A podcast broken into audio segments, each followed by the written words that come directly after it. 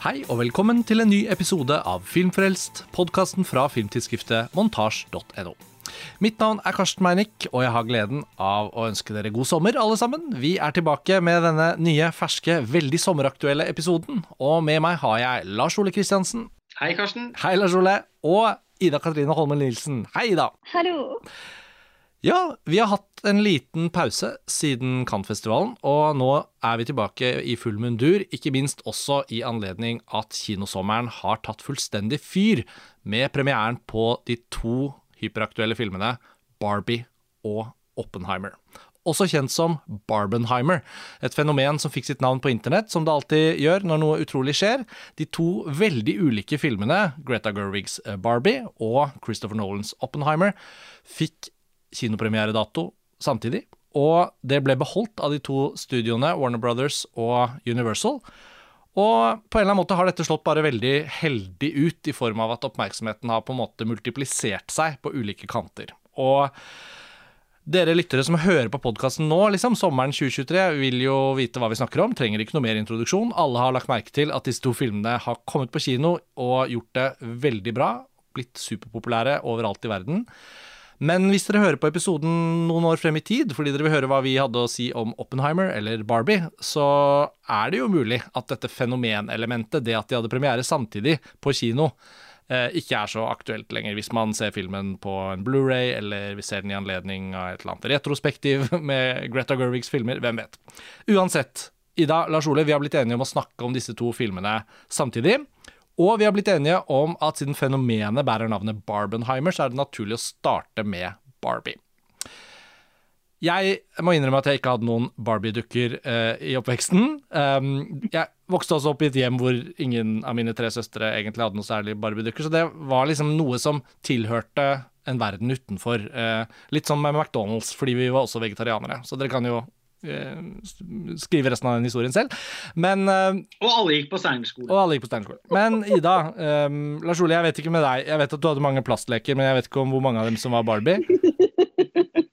Nei, altså jeg hadde jo eh, det som sikkert var verdens største samling med eh, plast, rep, plast- og gummireptiler Ja. på det tidspunktet. Eh, men eh, en Barbie det var ikke noe jeg hadde et forhold til utover å har ha lekt litt med det hos venninner, rett og slett, da, Ja. gjennom oppveksten. Så før vi liksom går til filmen, da, Ida, så blir det naturlig å bare trekke noen liksom kontekstuelle ting her. Jeg tror både Lars Ole og jeg så frem til en ny film av Greta Gerwig, og på en måte litt sånn med et skjevt blikk så pussig på konseptet om at det skulle komme en Barbie-film, men Transformers-filmen har jo kommet og gått, og eh, jeg mener, jeg føler moderne filmkultur har vist at de er jo villige i Hollywood til å lage film av nesten alt, så lenge det er en kjent merkevare. Eh, Men var Barbie-dukkene en del av din oppvekst? Altså, jeg hadde til og med en Barbie. Da jeg var liten, så var jeg med i en, en reklamefilm hvor jeg var brudepike. Oi. Og det resulterte da ja, mhm. og det resulterte da som femårig at jeg fikk den første liksom, lunsjlippen i hånda noensinne. Og da gikk jeg rett i lekebutikken og kjøpte den største Barbien de hadde. Og den var like stor som meg selv. Og hadde sånn brudekjole på. Fordi jeg skulle eh, gifte meg med barnehageonkelen som jeg hadde et kors på. Altså, og den Barbien, den var så legendarisk at folk fremdeles i voksen alder kommer bort til meg og spør om det var jeg som hadde den Barbien, som var okay. like stor som meg selv. Her var det flere jeg- detaljer enn jeg spådde da jeg spurte. Så gøy. Så da Men var det da den ene, ene Barbien liksom som var Barbien med stor B i din liksom oppvekst, eller hadde du liksom en hel, eh, et helt uh, kabinett av barbiedukker? Jeg hadde en eh, god del eh, Barbie-dukker. Mm. Eh, og dette var sånne 90-talls-barbier, så vi var liksom all kinds of wrong da, i forhold til det vi liksom tenker på med skjønnhetsideal og Barbie i dag. Mm, Men mm. jeg føler bare at det blir liksom ekstra manifestert av denne kjempebarbien som man også kunne ha på seg klærne selv til. Så man kunne bli en Barbie ved hjelp av denne gigantdukken. Så den er litt sånn som eh, åpningsscenen og traileren i Barbie-filmen. Med den kjempestore Barbien som man bare kan morfe seg inn i. Ja, ok, Så da har, vi, da har vi et lite bilde av eh, på en måte hvert fall din personlige oppveksterfaring med dukken og på en måte merkevaren Barbie, da, får vi si. Og så kan vi bare hoppe rett til filmen. Eh, Den har blitt enormt populær, så allerede nå tenker jeg vel at de fleste lytterne kanskje har hatt mulighet til å se den. Så vi trenger jo ikke gjøre det for omstendelig, men kort fortalt så har jo da leketøysprodusenten Mattel, som, som presenterte denne dukken første gang i 1959. Den ble på en måte skapt av eh, en som heter Ruth Handler, eller het Ruth Handler. Og så føler jeg liksom ikke at vi trenger så veldig si så veldig mye mer om eh, Barbie-fenomenet utenom filmen. Og i selve filmen så er det jo da Greta Gerwig, da, som mange av oss eh, kjenner godt eh, nå. Hun begynte jo som skuespiller i amerikansk independent-film, koregisserte sin første film 'Nights and Weekends' med Joe Swanberg. Så fikk hun så skrev hun manus sammen med sin da ferske kjæreste, nå ektemann Noah Baumbach, til Frances Ha og Mistress America, som hun spilte i begge filmene. Og fikk på en måte sin regidebut nummer to, kan man si, da, med Lady Bird, hvor hun lagde en film i liksom indie-studio-størrelse. Og ble Oscar-nominert for annet beste regi. Og så gjorde hun Little Women, adaptasjonen da, med Emma Watson og Timothy Chalamet og alle disse. Saoirse Ronan. Ja, Ronan og så videre. Og nå har hun da skrevet sammen med Noah Bambak, og da regissert Barbie for Warner Bros. med 100 millioner dollar i budsjett, og det har jo allerede blitt en kjempesuksess. Hun spiller ikke i filmen selv. Det syns jeg for så vidt var litt synd. Var, hun er jo en fantastisk skuespiller. Hadde passet inn i en eller annen rolle her, men ok. Så jeg vet ikke um, hvor det er naturlig å begynne, men jeg kan i hvert fall si at jeg så filmen i dag.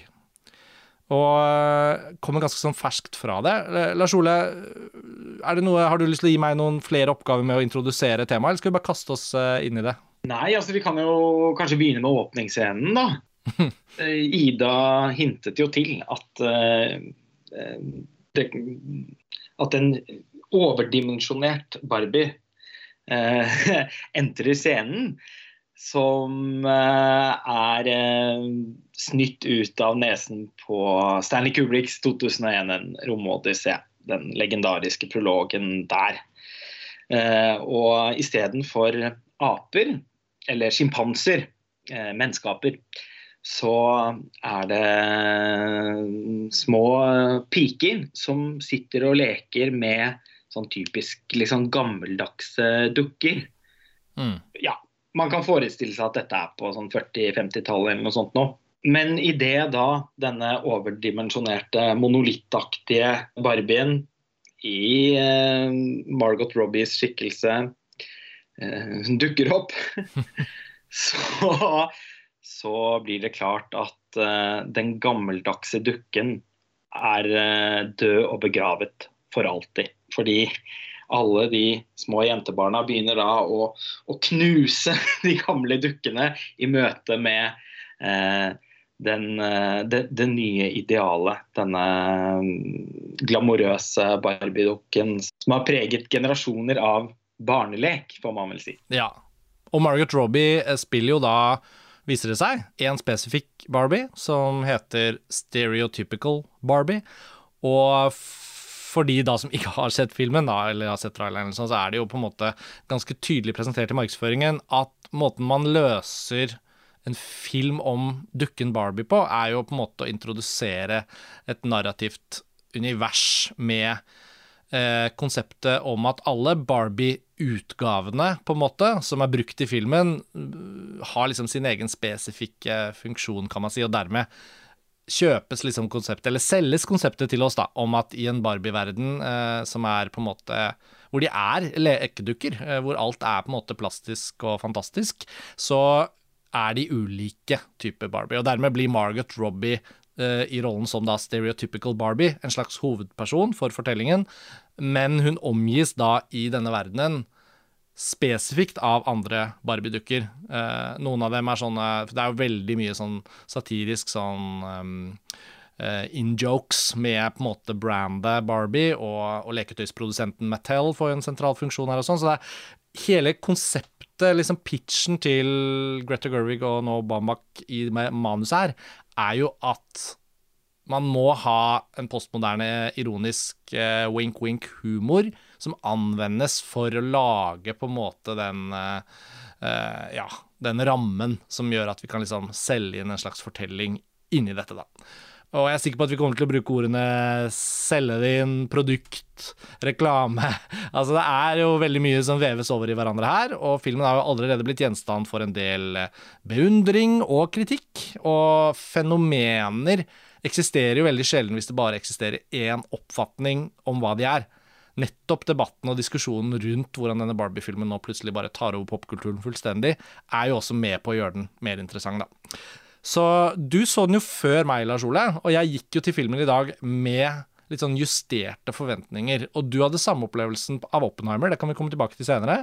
Uh, vi to ser ofte filmer sammen. Uh, I dette tilfellet så så vi filmene hver for oss, og ga på en måte feedback til hverandre før den andre så det andre og sånn. Men um, Margaret Robbies Barbie, i hvert fall, drar på en identitetsreise sammen med Ken, spilt av Ryan Gosling til den virkelige verden. Så filmen følger jo på en måte en slags The Truman Show-lignende, eller, eller Trollmannen fra Ose-aktig struktur, da. Eh, ned i liksom inn og ut av ulike verdener og virkelighetsoppfatninger som er med på å forme da reisen til hovedpersonen, og hennes liksom identitetsreise. Så det kan man jo si litt at det er på en måte plottet. Jeg er sikker på at vi kommer til å beskrive masse scener da, etter hvert som vi begynner å diskutere den, men det er vel et slags utgangspunkt. Um, I det med utgangspunkt i at dette jo tross alt er en dukke, og sånn, så vet vi jo alle at uh, det må en historie til, og det må en karakterer til, og Greta Gerwigs uh, rolle som indie-filmskaper og sånn matcher jo litt sånn interessant, i hvert fall, med en så hyperkommersiell merkevare her. Hvordan, hvordan liksom gikk du til filmen, ut ifra alt det vi har snakket om nå i innledningen? Ja, men jeg har jo vært en del av hypen. holdt jeg på Jeg har gledet meg fryktelig til Barbie-filmen. Hatt veldig mye diskusjoner om hvorvidt det liksom kommer til å bli bra eller krise. Mm. Men jeg syns jo da de siste to trailerne kom, og det er veldig sjelden at jeg ler av sånn komedie, ha-ha-type filmer. Når det er en sånn film som brandes veldig tydelig som komedie, så er det veldig sjelden at det faller sånn i min humor.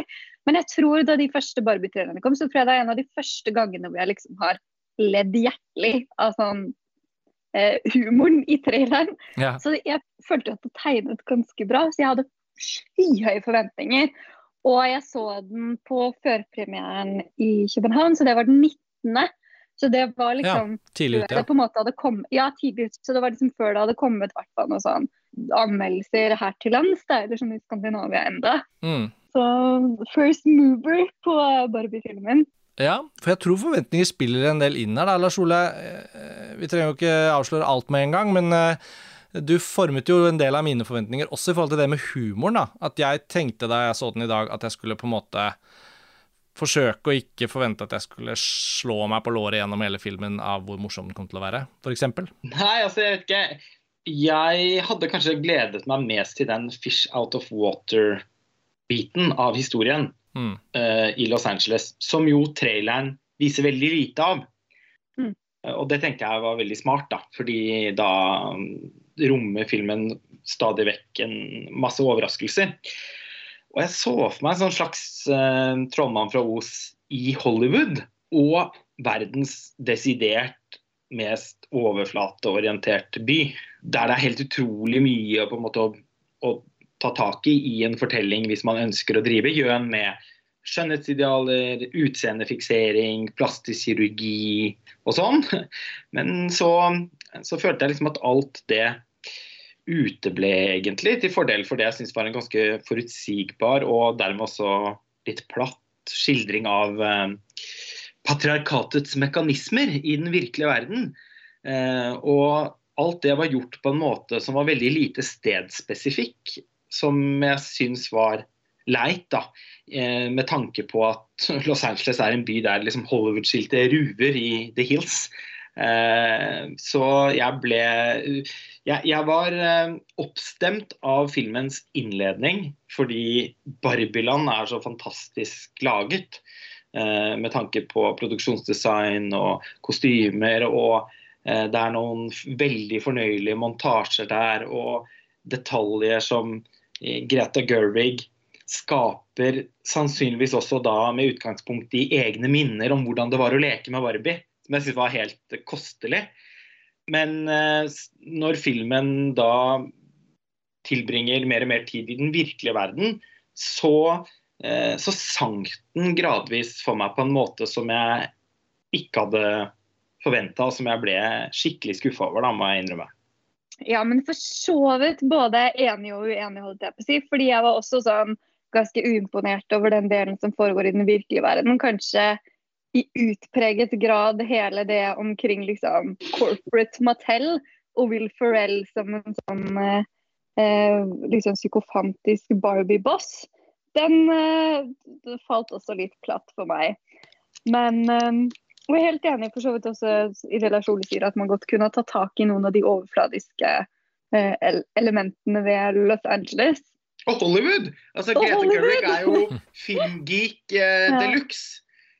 Jeg hadde ja, forventet hadde... masse filmreferanser og, og, humor knyttet til Hollywood, rett og slett. Og kanskje blir bare dette et sånt uh, skrekkeksempel på å ha for tydelige forventninger til noe før man møter den faktiske filmen. fordi jeg kan jo ikke da mm. sitte og kreve at filmen skal være noe den, den, ikke er. Men av en eller annen grunn så hadde jeg bare en så tydelig forestilling om at det var noe den kom til å spille på, og så uteble mm. det. Men det handler sikkert også mye om at, at, det har vært veldig mye fokus på det i mye av liksom, promomaterialet med Greta Gerwig, hvor hun har snakket veldig eksplisitt om hvilke filmreferanser hun har brukt yes. i filmen. Men det og det kan man jo si at når man har sett den, så skal du være ganske inni de filmreferansene for overhodet liksom skulle kunne se noen spor av mange av de. Ja, altså vi kan alle liksom se elementer av Jacques Demy og klassiske Hollywood-musikaler og litt sånn. Og det i all hovedsak i Barbiland, da. Men eh, en del av de andre referansene syns jeg var veldig vanskelig å få has på. Og jeg har i likhet med deg da også lest den, det intervjuet mm. eh, til Letterboxd der hun mm. så sjenerøst da eh, formidler filmene som, som har eh, vært eh, viktige inspirasjonskilder for henne under arbeidet med Barbie. Så hvis man forventer den liksom, bokstavelige graden av referanser, da kan jeg skjønne at man blir alvorlig skuffet. fordi og det må Jeg også si at jeg syns filmen tar en helt annen dreining enn det jeg hadde forventet ut ifra traileren. Um, men det kan godt være at jeg syns den dreiningen var litt morsommere enn deg. Og så klarte jeg liksom også uh, holdt jeg på å si, compartmentalize noen av de litt sånn overamerikaniserte elementene som unektelig liksom snek seg inn, og spesielt mot slutten, men det kan vi ta senere. Men eh, jeg syns jo den var veldig eh, jevnt over veldig morsom. Ja, jeg hadde en veldig god kinoopplevelse i dag, eh, og jeg tror kanskje Lars Ole hjalp meg litt, fordi um, dette, En ting er dette med humor, uh, som vi diskuterte litt da du hadde sett den, Lars Ole. Fordi jeg tror du og jeg også har en veldig sånn felles opplevelse av den lune, herlige formen for humor som Greta Gerwig, både som skuespiller, mannsfatter og regissør, har brakt til filmene sine, kombinert med mye varme og mye sånn herre Hun observerer noe sånn mellommenneskelig Mm, og det blikket klarer hun liksom virkelig å putte inn i signaturen sin da, som kunstner. Ja, altså, jeg føler jo at vi har dyrket Greta Gerwig eh, siden hun ble kjent. egentlig. Absolutt. Og det jeg tror kanskje er minst til stede av hennes fremste trekk, er nok den typen av humor. Selv om jeg syns den er her her og der, da, så tror jeg at det er nok en av de tingene som har da måttet virkelig havne i bagasjerommet litt, når superbrandet Barbie Uh, herunder Mattel, herunder Warner Bros, alle som vil at dette skal bli noe, har på en måte Der er det vanskeligere, da. Også bare pga. det plastiske over hele universet, ikke sant, og måten det er løst på alt sånt, så blir sånn mellommenneskelig, varm, lun humor Det er det jo liksom ikke denne filmen som skal uttrykke mest, da. Kanskje hun hopper tilbake til det i neste. Men det er mye mm. annet her som jeg føler hun får anvendt, som jeg likte godt. Og jeg tror det hjalp da, som jeg sa, at du på en måte forberedte meg på det. Og forventninger spiller en kjempesentral rolle i våre møter med film. Jevnt over så føler jeg vi diskuterer det innmari ofte på podkasten, at det er viktig å legge på bordet eh, forventningsregnestykket også i hvordan man da plukker opp en film, eller diskuterer den, plukker den fra hverandre, og kjennskap, referanser, hva man gikk inn med. ikke sant? Jeg har ikke noe forhold til Barbie Dukken, men jeg har et nært forhold til Greta Gerwig som regissør. Det blir mer interessant for meg på en måte um, reflektere over filmen i lys av de forventningene.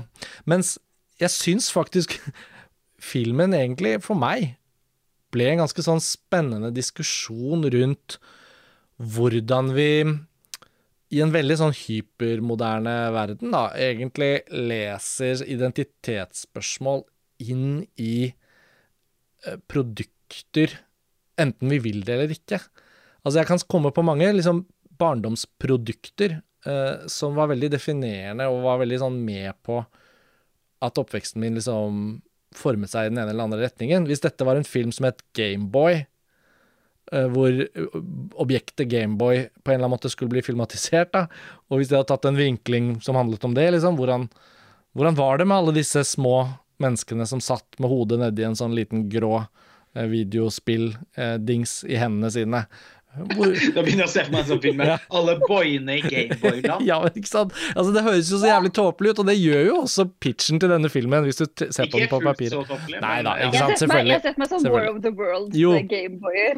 Men vi er jo langt forbi dette. Dette er jo ikke nå dette har begynt å skje. Det har jo skjedd over tid med mange forskjellige typer hyperkapitalistiske produkter som er markører for en helt, helt sånn grusom materialisme som var der allerede da vi vokste opp, og som for lengst er liksom hyperutviklet og, og, og vevd inn, og algoritmene og internett og Det blir jo bekmørkt når man litt begynner å tenke over det. Og på den andre siden av det, så følte jeg at denne filmen klarte å kommunisere en eller annen form for genuin varme, som jeg da var litt uforberedt på. Og det tok veldig overhånd i min filmopplevelse i dag, da.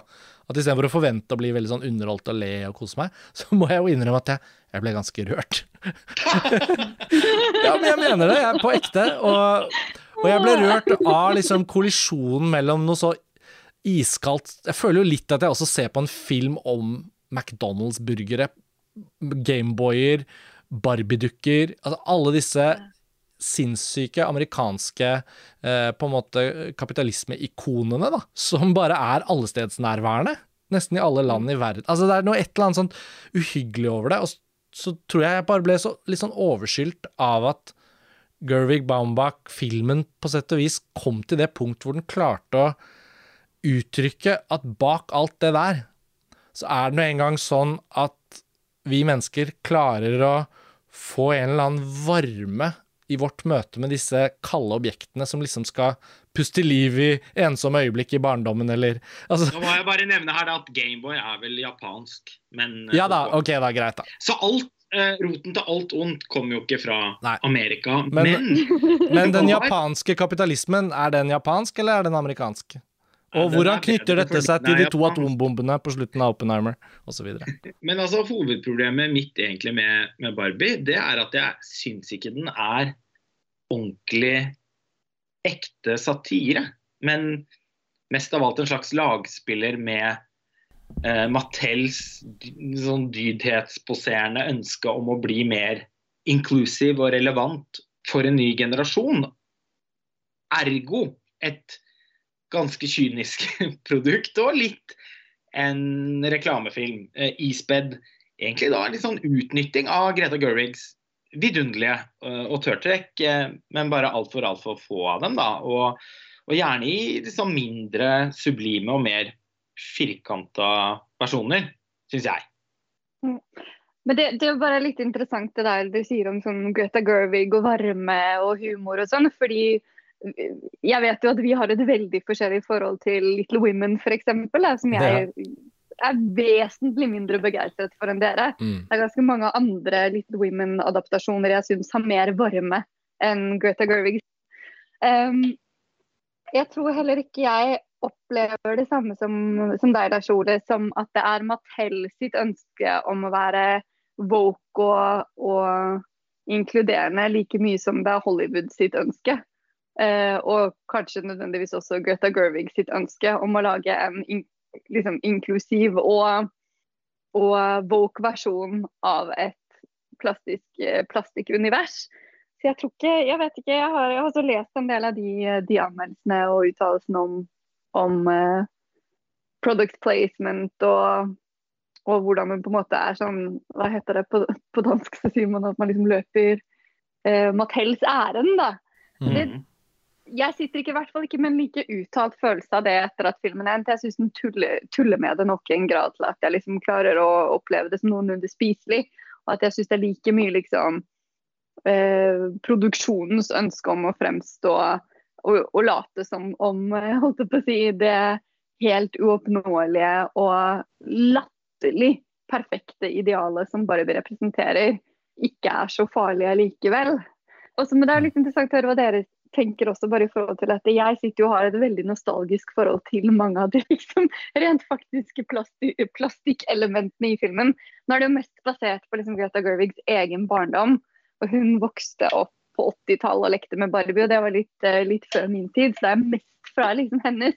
Men jeg sitter jo også litt på sånn uh, fin Willy-reise og og, og ser igjen veldig mange ting som jeg kanskje ikke har sett på liksom 20 år. da det, jo, det, gir jo kanskje en litt annen, annen, dimensjon, at den virker mer kynisk for dere.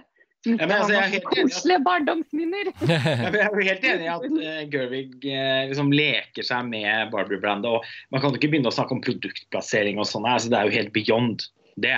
uh, men jeg får sitte igjen med en sånn følelse av at man forsøker å reaktualisere, og da også til en viss grad renvaske Barbie-brandet her. Nettopp ved å liksom være selvkritisk. Og der faller jo særlig de scenene med alle de Mattel-ansatte veldig på flat mark for meg, da. Fordi den selvkritikken blir så plump at den ikke føles genuin. Og jeg tenker også da at hvis eh, Greta Gerwig i samarbeid med eh, Warner Bros og Mattel ønsker å mm, At på en måte resultatet av denne filmen er å si at Barbie kan være for alle. Eh, og for en ny generasjon kvinner i, i, vår tid. Så så syns jeg jo på en måte da at de må velge å enten Da får de jo gå all inclusive, da. For jeg tenker at Vi får jo se Barbie-dukker i diverse størrelser, eh, i rullestol etc. Men eh, Ken og hans medkenner de forblir jo en samling veldig konvensjonelle alpha males uten mm. noen av de variasjonene. Og i tandem da med det litt sånn ikonoklastiske, systemkritiske årvåkne tankesettet filmen formidler, så syns jeg det er ganske gåtefullt at forestillingen om kjønn og kjønnsroller tross alt er så utpreget gammeldagse. For altså, I 2023 så skal vel da også gutter kunne leke med Barbie, eller hva? Altså, Det er jo mange gutter som leker med Barbie. Jeg husker jo det da jeg var liten. Men uh, Altså, Man fikk jo en dødsdom hvis man ble sett lekende med Barbie, men OK, ja, ja, det, det inntraff. men ja, det, det inntraff. Jeg husker jo Ja. Det var, eh, det var ikke alltid jeg som initierte å leke med Barbie hjemme hos meg heller. Men jeg syns det er veldig interessant det, du, det jeg liksom hører du på en måte ulmer opp til nå. det er jo, Jeg, sier ikke at vi skal dit, men jeg syns det er veldig morsomt. Noe av det festligste med denne filmen har jo vært å lese, lese sånn liksom konservative eh, Eh, debattørers eh, anmeldelse av filmen. Og jeg leste bl.a. den i Radio 24-7 eh, som hadde sluppet til en konservativ debattør som skriver Hva vil den meg, denne, denne, filmen? Annet enn å si at det er et dumt svin som er voldelig overfor kvinner og hater dem. Så det er jo, si, det er jo ganske mange menn som ikke syns at Gervigs representasjon av Ken er spesielt festlig. Ja, men det, altså, ja. Men eh, som en liksom, utpreget metroseksuell mann, så er jeg overhodet ikke noe problem med den biten. Jeg syns at uh, alt det beste av humoren i filmen f.eks. er alle de tingene som handler om mansplaining av gudfaren og The Wire. sånn, liksom, ja, det syns jeg òg. Og den veldig sånn én-til-én-parodien på patriarkatet og sånn, den syns jeg i og for seg man burde kunne forvente at Gerwig kunne gjøre enda smartere og morsommere enn her. Men jeg blir litt sånn forvirret over hva Gerwig og Mattel eh, og Warner Bros ønsker å si. Og hvem som ønsker å si det. fordi jeg tenker at Gerwig har jo alltid lekt og eh, trollet med kjønnsdikotomier. Altså mm. såkalt jentekultur og såkalt guttekultur på en vidunderlig morsom og ironisk måte. Men i denne filmen så syns jeg det er så mye preaching og overtydelighet, og ikke minst sentimentalitet, at jeg isteden blir sånn sittende igjen med følelsen av at filmen egentlig er nettopp ganske konservativ, da. Mm. I, og da i og for seg helt i tråd med Mattels merkevare. Og, og, kanskje er det også det litt geniale med filmen som gjør at den kan vokse mm, ved, ved, gjensyn. At alt dette her egentlig er litt en sånn trojansk hest. Mm, men ikke desto mindre så, så syns jeg liksom at det er noe litt sånn nedslående banalt her, som skuffer meg med tanke på at Gervig står bak, da. Mm. Jeg skjønner den kritikken ganske godt, men jeg opplevde, jeg opplevde ikke Altså, tenker på hele det der vi var inne på så vidt nå, med Ken og, og, og man, mannspatriarkat, ironi altså, Alt den skildringen, humoren rundt det. Jeg syns bare det var gøy på sin lettfattelige, litt banale måte. Og jeg syns også at i den grad denne herlige, litt tåpelige filmen, som også skal på en måte litt sånn inn det ene øret og ut det andre øret, som jo gjør at den ikke er noe stor Greta Gerwig-film. Men jeg, jeg, tenker likevel at det var, noe, var noe, litt sånn utrolig at det går an å bli på en måte ekte fornærmet og, og opprørt over altså sånn. Da tenker jeg det er på en måte Da er man hårsår og, og ute og sykler, tenker jeg, hvis man virkelig føler at dette er en sånn dyp uh, dyp um, sårende kritikk av noe. Jeg tenker sånn Den spiller på noe av det som er i tiden, og å leke med de stereotypiene og, og, og, pirke litt og kile litt og terge litt og erte litt. Men uh, jeg tenker jo at den gjør det i en litt sånn en, en, en, Og det er der jeg tenker noe av Greta Gerwigs varme kommer godt til uttrykk. Da. At hun på en måte har uh, stor nok liksom omfavnelse her til slutt. At når filmen er over, så, så syns vel egentlig alle at det har vært en noenlunde morsom reise. Og, og, den sentimentaliteten du peker på, Lars Ole, der har jo vi ganske ofte vært litt forskjellige i hvordan vi oppfatter filmer. For jeg er veldig Jeg kan være veldig mottagelig for en form for sånn litt sånn banal, ren, uforstyrret, halvt melodramatisk, halvt sentimental fortellerkraft hvis jeg opplever at den kommer fra et eller annet ekte sted. Og til å være en så plastisk film, så er det jo litt sjokkerende at jeg i de siste 20 minuttene, særlig i den siste scenen, kanskje Nei, ikke den siste scenen i filmen, men den siste virkelig gode scenen til Margaret Robbie i Det hvite rommet. Der var jeg virkelig med, med hjertet mitt. Og da skjønte jeg litt den at filmen hadde Den som var akkurat som i Harry Potter. ja, jo, og, ja, og, og, The Truman Show. Altså, jeg syns den fikk en ordentlig knekk av den aller siste scenen, fordi jeg opplevde at der Hvis hun har snakket med Peter Weir på telefonen, som hun forteller i det ene intervjuet, så tenker jeg sånn Ja, det hadde ikke vært så veldig kult om The Truman Show fortsatte i fem minutter til. Det hadde jo nesten ødelagt den filmen. Den har jo på en måte en sånn perfekt slutt. Og hun var på nippet til å få, om ikke et perfekt slutt, fordi filmen er mye mindre verk enn The Truman Show, Eh, så syns jeg likevel at hun var på nippet til å få en sånn slutt som i hvert fall jeg kom til å ta med meg ut, fordi jeg er mottagelig for den sentimentale touchen. da. Um, og så kom jeg litt ned på jorda igjen før rulleteksten. Altså da ja, Det, det må ikke misforstås som at jeg har liksom hatt en sånn helt utrolig filmopplevelse, men jeg fikk jo veldig senkede forventninger av at vi og snakket om det, Lars Ole, så da ble det litt opptur. Ja, men altså, Jeg kan liksom møte deg litt på halvveien her, samtidig som at jeg vil hevde da at de tingene kunne vært gjort bedre. Altså, Ria Perlman dukker jo da opp som hun skaperen av Barbie. Jeg husker ikke hva hun heter for noe. Uh, Ruth Handler. Jeg synes det, Og gjensynet med Ria Perlman i en rolle i en film i det hele tatt, syns jeg var i seg selv litt rørende. Ja, det var i seg selv litt, litt rørende, særlig fordi at Danny DeVitos eh, adaptasjon av Roald Dahls 'Matilda' var en av mine absolutte favorittfilmer gjennom store deler av barndommen. Eh, der spiller jo hun moren til Matilda. Hun er vel også gift med Dan DeVito yep. i, i, virkeligheten. Eh, men, eh, og, og, den minner jo om en del lignende scener i andre filmer. F.eks. den scenen i, mot slutten av Ready Player One til Steven Spielberg. Mm. Der hovedpersonen får møte skaperen bak spillet mm. og sånn. Eh, men jeg syns på en måte ikke det var bra nok skrevet, rett og slett. Da, særlig med tanke på hvor god Greta Gerwig kan være som manusforfatter. Og jeg syns at de eh, svulstige montasjene av sånn barndomsminner og sånn, syns jeg faktisk var skikkelig dårlig lagd. Jeg syns det så ut som en sånn YouTube-video. Og kanskje er det meningen, jeg vet ikke. jeg, jeg tror det var meningen, men det var ikke helt på Oslo 31. august-nivå. Men Nei, det, det syns jeg, det synes jeg var skikkelig sånn undermåls... Eh, og jeg fikk også, apropos undermåls, så syns jeg jo at i sum at filmen minnet litt om de filmene til Pixar som ikke helt lykkes. Mm. Det er veldig mye Pixar her. Pixar på sitt beste er så klokt og ofte liksom vakkert skrevet at man kjøper et litt sånn ellevilt konsept som hele tiden kanskje egentlig har jobbet imot det at man skal sitte igjen og bli så beveget som man blir av de aller beste Pixar-filmene.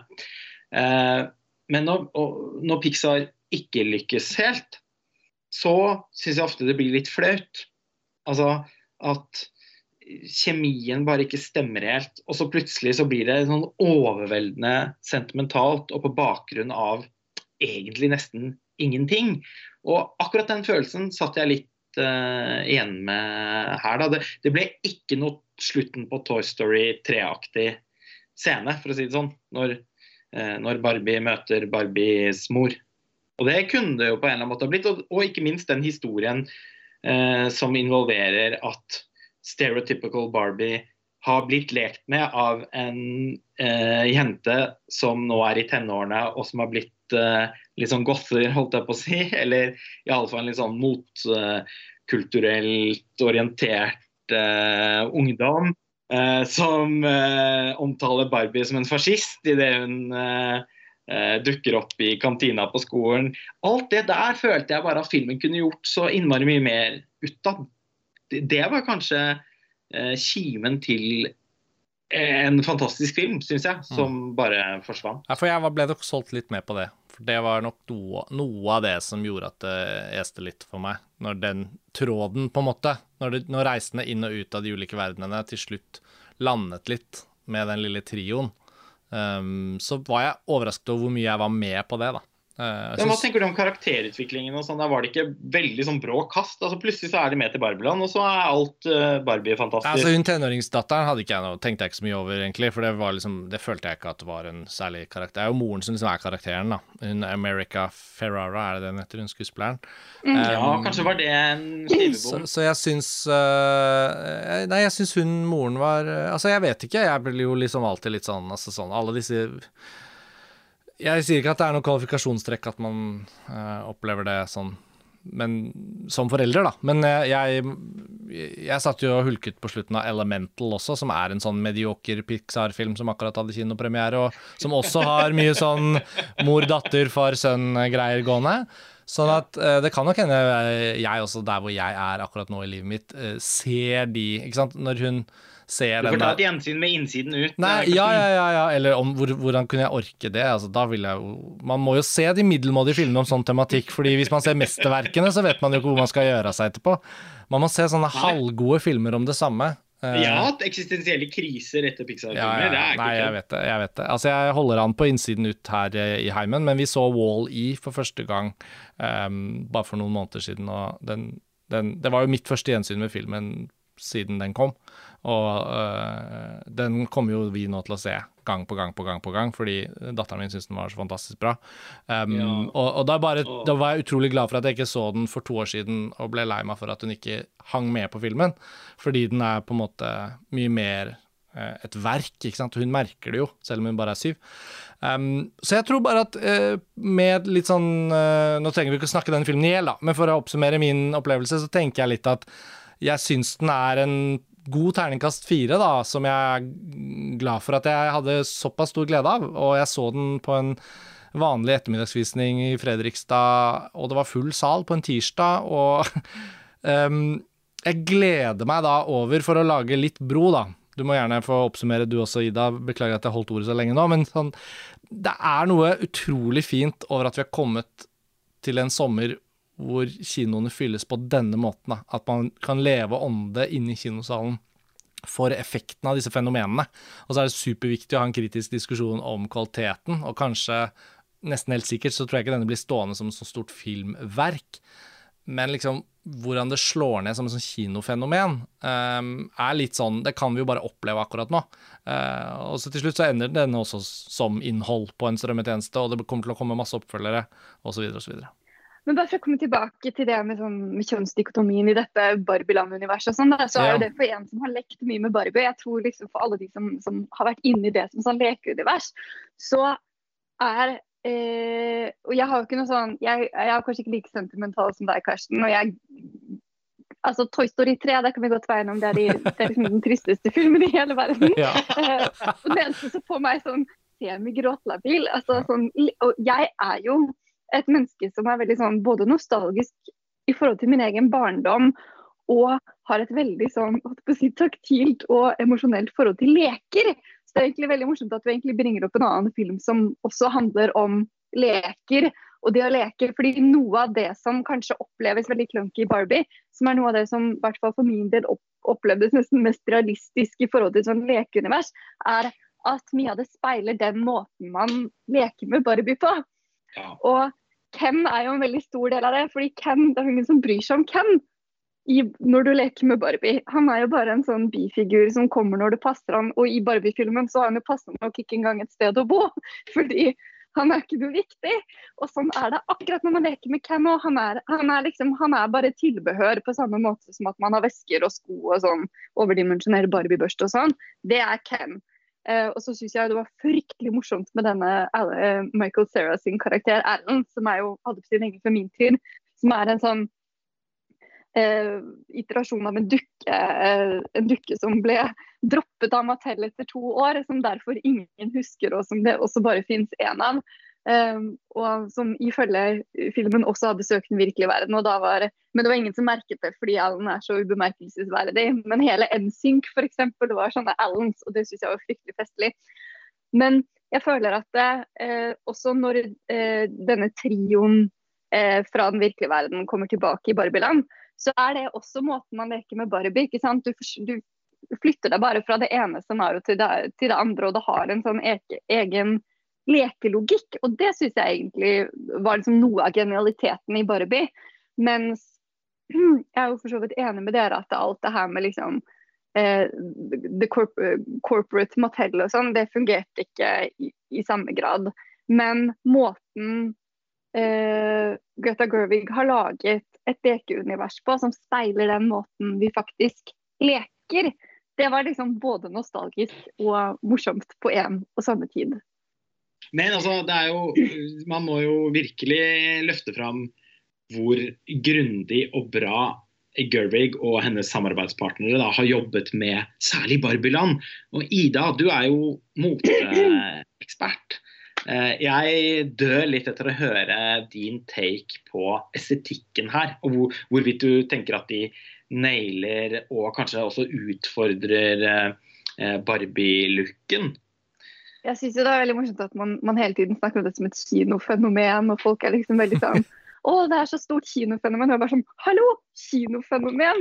Hva med motefenomen? Ja. Altså Barbiecore begynte liksom å summe allerede for over et år siden. Altså Det her, det er så stort på Instagram det her at jeg tror nesten ikke dere skjønner, og TikTok for den saks skyld, jeg tror nesten ikke dere skjønner rekkevidden. Og det er mange på kino. Har dere sett? Har Mm. dere sett Barbiecore-hashtaggen? Altså, det er så Barbie-feber at jeg tror, jeg tror nesten vi aldri kommer ned igjen.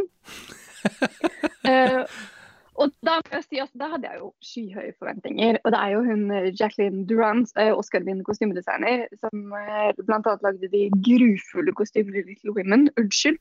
Uh, men også står for heldigvis ganske mange vesentlig bedre kostymer. Eh, hun hadde også de sånn fryktelig kontroversielle kostymene i, i um, Joe Wrights Anna Karenina. Som var sånn veldig rar blanding av slutt 1800-tall og, og, og 50-talls couture. Eh, jeg skrev blant om den i masteren min fordi den var så utrolig mystisk. Men Barbie. Eh, fordi jeg må jo si at når vi liksom eh, endelig kom i Barbie-filmen og skulle oppleve alle disse looksene live, så hadde jeg jo eh, astronomiske forventninger. De innfridde. Altså for dette, dette er Og du kan jo si OK, den kommer til å bli glemt på strømmetjenester, og det kommer ikke til å bli noe sånn Nei, altså, Eh, Det kommer ikke til å være noe sånn voldsom eh, Det kommer ikke til å være noe sånn voldsom eh, nødvendig sånn kultettermæle etter den filmen. Men Det det, er ingen som kommer er til å mansplaine filmen til nye generasjoner. Er det det du prøver å si? Men det er en motefilm. ja. Det er en motefilm, og det gjør den. Altså, den minner litt, på og det syns jeg var litt morsomt, fordi den minner litt sånn i moteuniverset om den Netflix-filmen som er Do Revenge. fra i fjor. Ja, Ja, fantastisk bra film. Forrige år, så Den var kjempebra, men det er, den er jo også litt sånn Den begynte også litt i den der Barbiecore-summingen. Ja. Og det er jo veldig mye sånn Det er mye sånn clueless og, og um, high school-film uh, blandet inn her fordi du har det litt sånn 80-tallsuniverset som Gervig åpenbart er veldig inspirert av. Som jo dikterer en helt egen fargepalett. Um, som er veldig gjenkjennelig fra veldig mange av de liksom, uh, opprinnelige high school-filmene som er motefilmer i samme grad. Og så har du jo eh, Margot Robbie som er eh, ambassadør for Chanel. Så mange av de looksene som ikke er liksom laget, eller som liksom ikke er kostymedesignet eh, av eh, Durant selv, er laget i samarbeid med Chanel. Enten fra liksom, arkivene deres, hvor de har funnet liksom, Barbie-aktige looks, eller hvor eh, eh, Chanel har gjenskapt ting til Barbie-universet. Og den, holdt jeg på å si, den sammensmeltningen der, i hvert fall for meg, den var sånn noenlunde magisk. Jeg har aldri hatt mer lyst til en hjerteformet Chanel-veske. Den koster, hold dere fast, 220 000 danske kroner på Vestier akkurat nå. Det har den gjort de siste to årene. Så det, jeg altså det er en sånn veldig ikonisk 90-tallsmodell av, en- Ja. av en Chanel-jakkeveske. Og så prøvde de litt som desperat å relansere en slags i fjor, som bare koster 80 000, hvis noen er interessert. Men bare, Men den var påfallende når den dukket opp i filmen også. Altså, jeg, jeg la jo merke til den. sukk. Ja. Um, men, men jeg vil bare si at den Barbiecore-trenden er ikke noe som starter nå i kjølvannet på at filmen er utgitt. Altså, dette startet allerede da, da liksom teasere og, og si, Barbie-gospelet begynte å synge. Så startet Barbiecore. Og derfor så har altså, så Bare dette med hjertevesker, da, som er en veldig sånn Barbiecore-aktig eh, Barbiecore fenomen, Ja. det har vært det har liksom vært eh, under oppseiling helt siden 2019, hvor alle designerne nesten samkjørt lanserte en uh, valentinskolleksjon med hjerteformede designervesker. Så det er veldig morsomt. Altså, dette her er jo også et sammenfall som ikke utelukkende hvor Barbie-filmen ikke er den eneste katalysatoren. Altså, det er på en måte flere ting i motebildet og um, både 90-talls- og 2000-tallsnostalgi som automatisk um, gjør at man tenker på Barbie-universet, fordi det er veldig mye sånn Barbie-estetikk blandet inn i eh, både high school-filmer og liksom Y2K og 90-tallsestetikk. Så det er liksom, det er flere ting her som, som, som har skapt en sånn massesuggerert Barbie-effekt. Som ikke bare handler om at nå starter motefenomen, og nå er det kinofenomen. Det her er på en måte noe som, som har vært under oppseiling lenge. Og, tro, og ikke minst fordi Margot Robbie jo på selve liksom presse... Hva, hva kaller man det på norsk? Press, altså press tour? Hva, hva heter det? ja, det heter vel det. Press tour. Altså på, på markedsføringsturneen. På markedsføringsturneen, og gru. Ja. Da har jo også Margot Robbie eh, klokt eh, blitt eh, kledd opp som liksom ulike Barbie. Day to night Barbie og sånn Barbier fra liksom 60-tallet og frem til i dag, som, som, har, eh, ja, som har bidratt til å liksom befeste denne hypen. Nå egentlig bare for å si at dette motefenomenet Mm. det har liksom det har vært eh, under oppseiling lenge, og det er jo større det er større enn kinotallene, og det er større enn filmen i seg selv. Det er en helt utenforliggende dimensjon som, eh, som, jeg tror, eh, som jeg tror kommer til å Jeg tror det er den dimensjonen som kommer til å gi filmen liv. Ja. Ikke, ikke den, fordi jeg tror den woke si, den woke-tematikken og, og de liksom veldig liksom spisse si, Ikke product placement, da, men eh, salgstaktikkene her, det blir jo veldig fort utdatert. Men jeg tror eh, Barbie som motefenomen og hva den filmen på en måte eh, har å tilby i det universet, det tror jeg er noe som kanskje er det som får filmen til å leve lengst. For det, altså, maken til eh, produksjonsdesign, det skal man se etter. Ja, for de tingene du nevnte der fremstår litt sånn som sånn tokenism, uh, som det heter. Jeg jeg festet meg litt Mm. ved den Alan-figuren som du beskrev. Hva er han ment å være egentlig? Er- Skal han liksom være den metroseksuelle mannlige Barbien? Nei, Alan var et sånt, var et sånt litt sånn platt forsøk. Jeg tror han er en slutt 50-talls, start 60-tallsoppfinnelse. På liksom, at Ken skulle få en venn. At det skulle liksom bli et større manneunivers innenfor Barbie-universet. da, Fordi Ken var liksom lansert, og han var jo hit. Han var liksom Don Draper-aktig type. Mm. Men, uh, men, men Alan ble jo en kjempeflopp. Det var, ikke noen som, det var ingen som var interessert i han, og derfor finnes det bare det er kanskje derfor han er litt nå, fordi Jeg syns at Michael Cera er så utrolig skjønn skuespiller. Ja.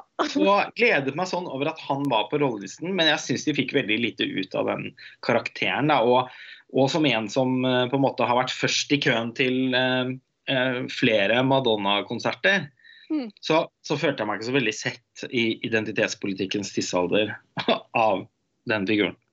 Men jeg tror, jeg tror jeg, det er egentlig det jeg liksom prøvde å si i sted, i forhold til, i forhold til at uh, den identitetspolitikken liksom kun strekker seg til, til liksom, si, feminine sfæren av filmen. Da. Og det er jeg for så vidt helt enig i.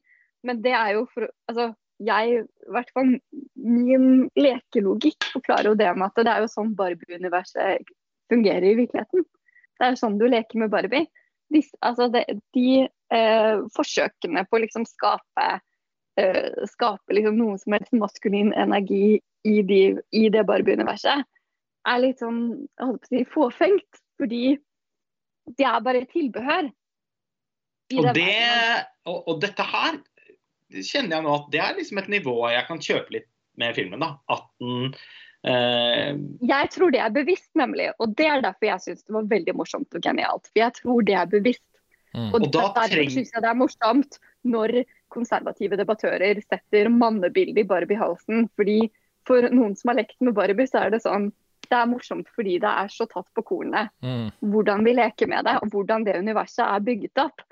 Men det er jo da på en måte en dimensjon man er nødt til å eh, på forhånd være kjent med Barbie-universet for å tune inn på. Tenker du at det hadde vært mulig å eh, fremstille det på en bedre måte?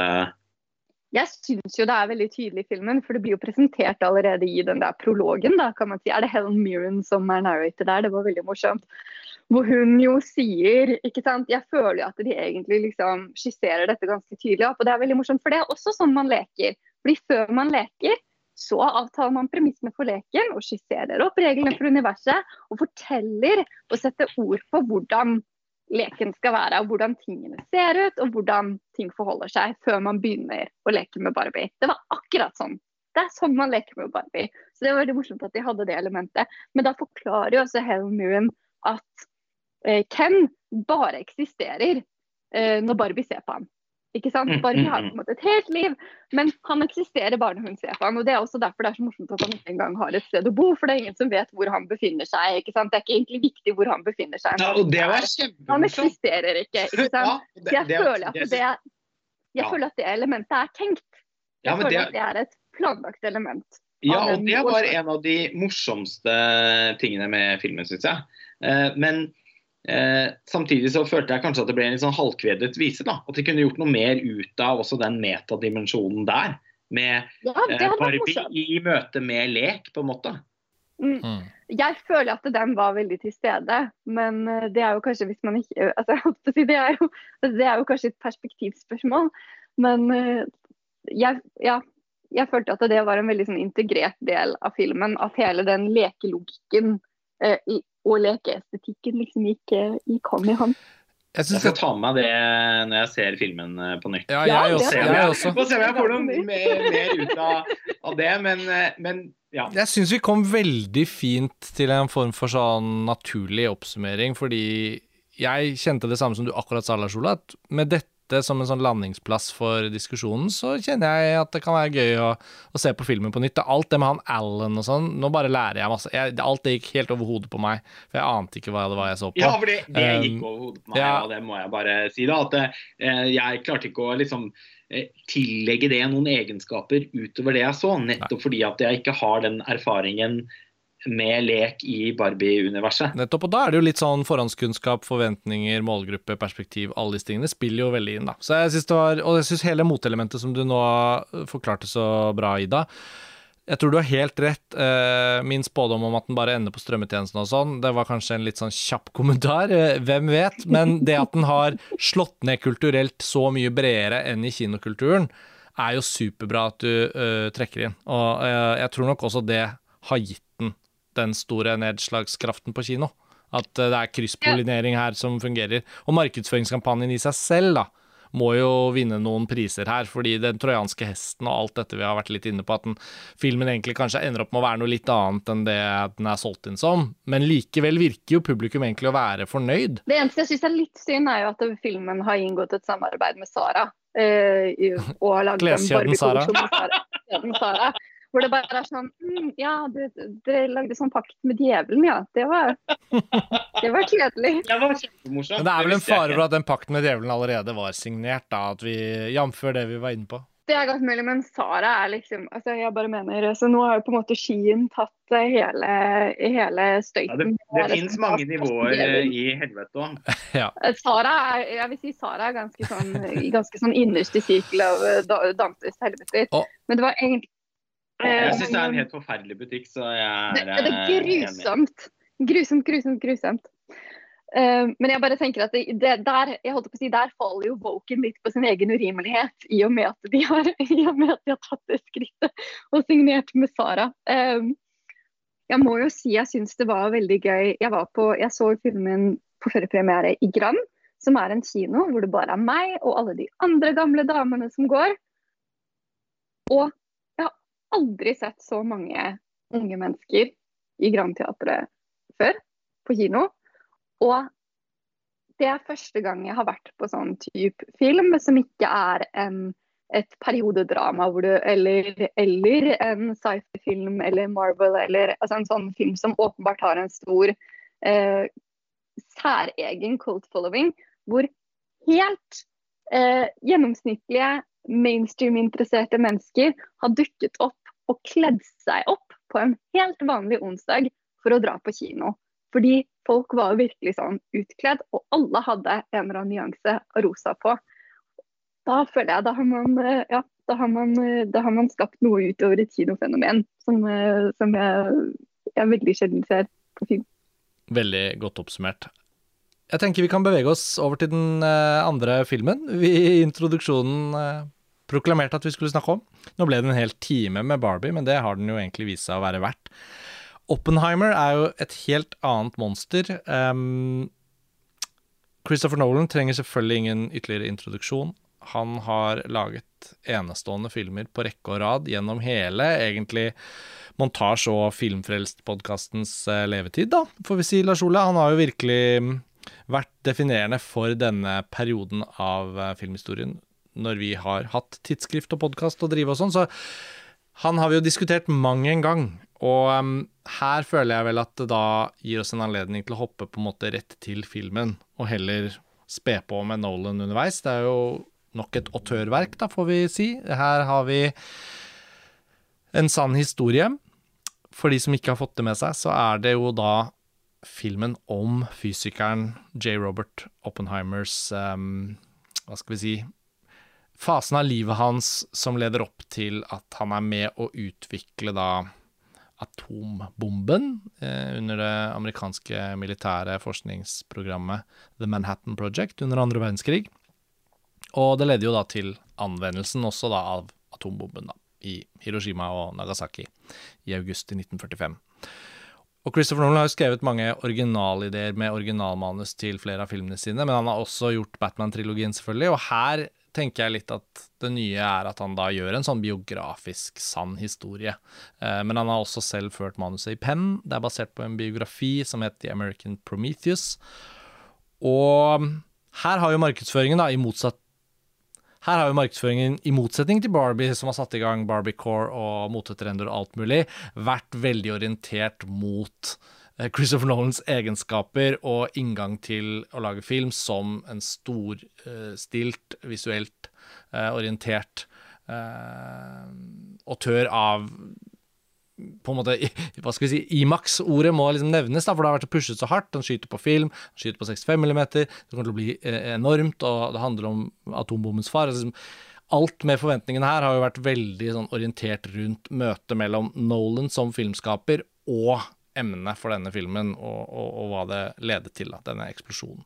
Og eksplosjoner som estetisk uttrykk på film har vi jo på en måte i hvert fall jeg hatt veldig sånn nært forhold til i forhold dannelsen av min smak. Actionfilm med Michael Bay, eh, Nolan, alle. Altså sånn, jeg er litt sånn tiltrukket av eksplosjoner på film. Så det er på en måte en slags sånn bismak og litt sånn skamfull greie, eh, greie, å glede seg til denne filmen når man vet at atombomben som et motiv er jo også eh, masseødeleggelsesvåpenet som vi alle frykter, og som definerer jo egentlig hele epoken av verdenshistorien som vi har levd i, fordi vi vet at det våpenet fins, og fordi vi vet at det er blitt brukt, og den, eh, den, den, den, trusselen, på en måte, har jo også gitt en slags fred.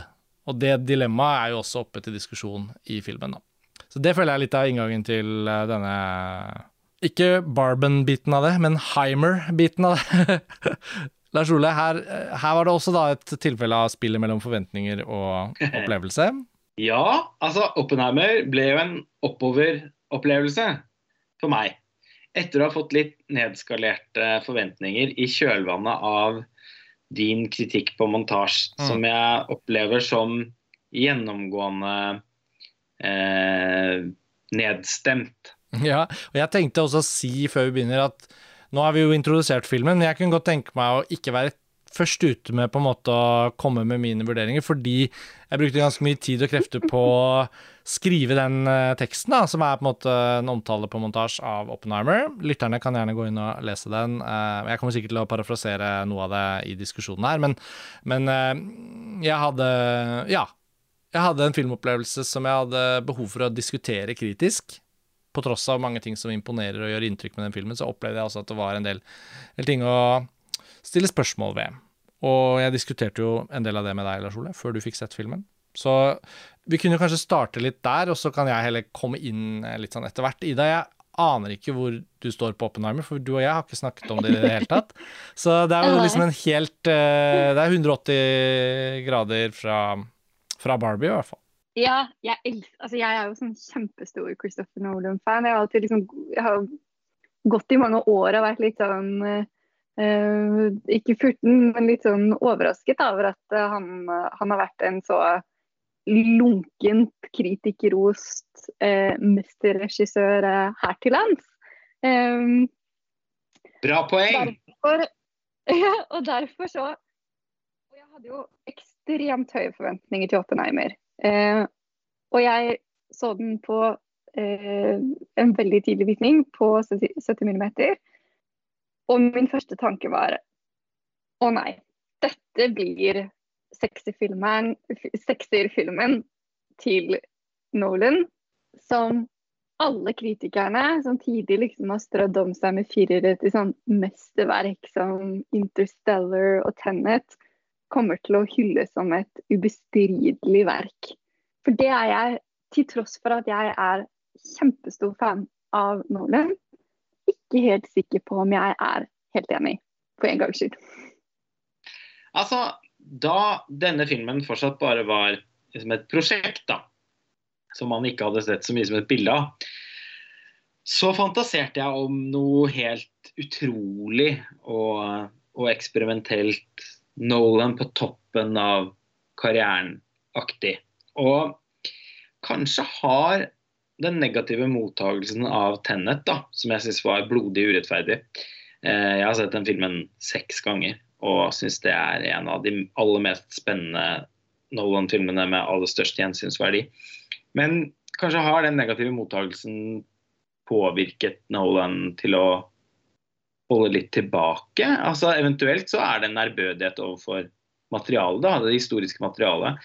Men samtidig så, så tenker jeg jo at Nolan i sin eh, quote unquote imperial face eh, et uttrykk som Pet Shop Boys, mitt favorittband, står bak. eh, nemlig et sjikt av karrieren der man kan gjøre absolutt hva man vil. Eh, jeg tenker jo at Nolan i den fasen ikke burde være ærbødig overfor noen annen enn seg selv og sitt eget kunstneriske potensial. Og eh, med det så prøver jeg kanskje å si at drømmen om hva Oppenheimer kunne ha vært, kommer litt i veien for hva den er. Simpelthen bare fordi at Oppenheimer har blitt en, til tross for mange åpenbare og autørtrekk, nokså tradisjonell eh, sann historie møter biopic med litt sånn Oscar-rand. Eh, men jeg har jo også tenkt at ja ja, litt sånn som du sa, Ida, at da er det vel med denne da, at Nolan omsider skal innkassere sin Oscar-triumf. Og i tillegg tenkte at men så blir det sånn at han leker seg så mye at den likevel blir for bra for Oscar. men eh, Oppenheimer er ikke for bra for Oscar, tenker jeg. Men til gjengjeld så er det en knallgod Oscar-film. Og eh, i motsetning til deg, Karsten, så kjedet ikke jeg meg et eneste sekund under den visningen. Jeg fløt skikkelig inn i fortellingen, mye takket være det helt fantastiske scoret til eh, eh Ludvig Gjøransson, som også sto bak eh, kompo komposisjonene i Tennet. Litt sånn Johnny Greenwood møter Para One, eh, Celine Siamas eh, faste komponist, møter Hans Zimmer. Eh, og kanskje egentlig så syns jeg det burde vært høyere mikset, men eh, de som til vanlig ikke er så begeistret for, for Nolan, syns sikkert at han omsider har truffet balansen. Fordi han får jo ofte så mye kritikk for at dialogen er mikset lavt og at det er altfor mye musikk. Uh, og ikke minst da en helt gåsehudframkallende god hovedrolleprestasjon av Killian uh, Murphy. Og man kan si at filmen er liksom uh, 30% mer Bennett Miller enn man kunne anta. I alle fall før de trailerne ankom. Bennett Miller er da regissøren av biopicen Capote? Capote, ja. Jeg føler det er så gøy. Det triller ut komplimenter her. En litt sånn 30% Bennett Miller. ja. Capote, eh, Moneyball, eh, Foxcatcher. Eh, ja, men som sagt, da, altså før trailerne landet, eh, for i møte med dem, så begynte jeg jo tross alt å få inntrykk av at Nolan eh, lagde en mer konvensjonell film med Oppenheimer enn det man er vant til eh, i hans regi. Og, og, og den var jo da kanskje også mer i tråd med nettopp det trailerne kommuniserte, enn det jeg kanskje innerst inne håpet på. Men samtidig så syns jeg jo han lykkes innmari godt med å, å lage en, en, film som forplikter seg til en historisk fortelling, og som samtidig eh, er eh, sammenlignet med veldig mye annet likevel original og med en, eh, et nolandsk følelses register. På en eller annen måte så var den også litt en sånn mørk variasjon over Ron Howard sin A Beautiful Mind, som vant Oscar for beste film i 2002. I og for seg en film jeg alltid har likt litt. Eh, selvfølgelig uten den filmens veldig sånn vulgære svulstighet. Men eh, ja, jeg, jeg, vet ikke. Eh, det, det, vi, vi, vi, jeg er litt usikker på hva jeg skal komme frem til her, så nå kan dere ja, altså... bidra i, i samtalen. Men jeg har en ganske egentlig klar tanke om hva jeg mener og føler rundt denne filmen. Da. Ja, jeg vil bare henge meg kort på, bare uh, dele en kort anekdote fra et, en av våre første samtaler etter at jeg hadde sett den. Når jeg jobbet med teksten min og, og delte med deg, Lars Ole, at jeg, at jeg hadde en del kritiske innvendinger, så måtte jeg også le av at liksom Jeg hadde ikke trodd at Ron Howards A Beautiful Mind, en film jeg siden den kom på kino, har hatt så um, snobbete fordommer mot at jeg aldri har sett den. um, og, og, og, Morten Tyldums The Imitation Game. At det var ikke de to filmene uh, jeg hadde trodd jeg skulle leke med og bruke som litt sånne uh, spid-formede referanser i teksten min når jeg skulle vurdere en ny Christopher Nolan-film. Men nå syns jeg du blir altfor slem igjen. Jo, men jeg har jo ikke skrevet Game er en helt sånn blodfattig film. Og jeg har heller ikke eh, brukt, eh, og, jeg har heller ikke, og jeg har heller ikke brukt den Jeg har ikke nevnt den filmen med ord i teksten min. Nå parafraserer jeg da den litt sånn unødvendig ondsinnede, skuffede personen som begynner å tenke på hva det var som var feil med det han hadde sett, som jeg Ja, det var jo den jo- personen jeg møtte Ja, over telefonen. Ja, og det er jo sånn man jobber med sin vurdering. Og det fine med å skrive en tekst, er jo at man, særlig i det formatet vi har på montasje, da, hvor man tar seg god tid eh, innenfor rammen av god tid, da, med å virkelig eh, meisle ut noen ord som på en mest mulig presis måte, og for så vidt grundig og rettferdig måte, artikulerer en kritikk mot en film. Da. Og det ville jo vært helt urimelig å trekke inn The Imitation Game på trykk. Men i podkastform så kan man jo trekke lytteren med i en tankerekke som utspilte seg. Og nå som du trakk inn Ron Howard, så er det jo også på en måte Ja, men det var ikke en så negativ Nei, jeg vet, og jeg byr jo her egentlig på en slags form for selvkritikk. ikke sant? Hvem er jeg til aldri å gidde å se The Beautiful, A Beautiful Mind? Det er sikkert en helt utmerket film, og du har jo prøvd i to tiår å og på- Nei, altså Det er ikke en film som betyr mye for meg. Jeg syns den er helt opp, egentlig, bare. Men Ja, du har ah, flere ganger pekt på at den, at den er for hardt øh, eh, den, er, den er en ufortjent, øh, på en måte stemoderlig behandlet film som egentlig har ganske god underholdningsverdi. Det har vært ditt Ja, men det er i hvert fall en veldig underholdende film som slett ikke fortjener noen filmhistorisk posisjon overho- overhodet. Og det var helt hårreisende at den vant eh, eh, Oscar. Men eh, det, er no, det, det er egentlig bare noen ting den filmen gjør sånn, det er sånn, nesten sånn fortellerteknisk, som jeg tenker at er på en måte, det, det rommer alt som er feil med Hollywood, men så er det gjort på en så likefram og ærlig måte at jeg kjøper det litt.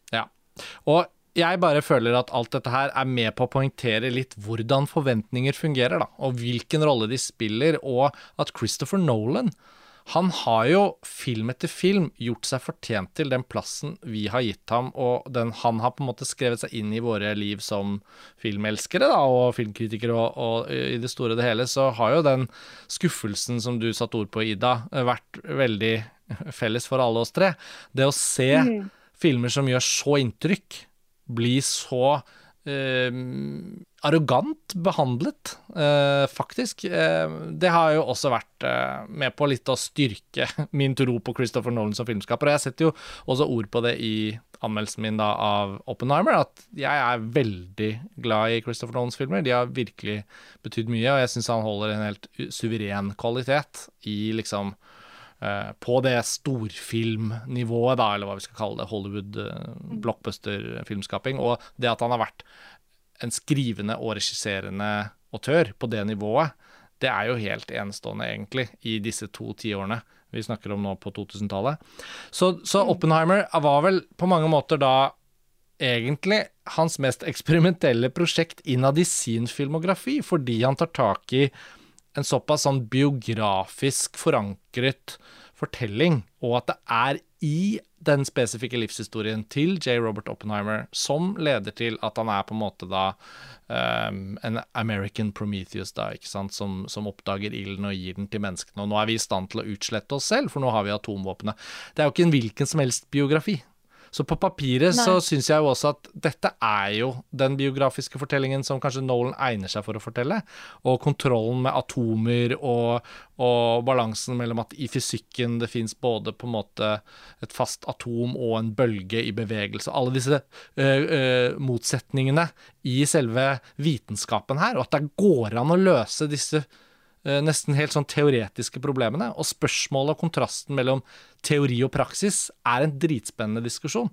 Jeg forventer at filmen, nå som for mine liksom innstillinger til første uh, møte med filmen ble på en måte justert, og jeg har behandlet det i en tekst, så forventer jeg jo nå at mitt neste gjensyn vil uh, ta en helt annen form.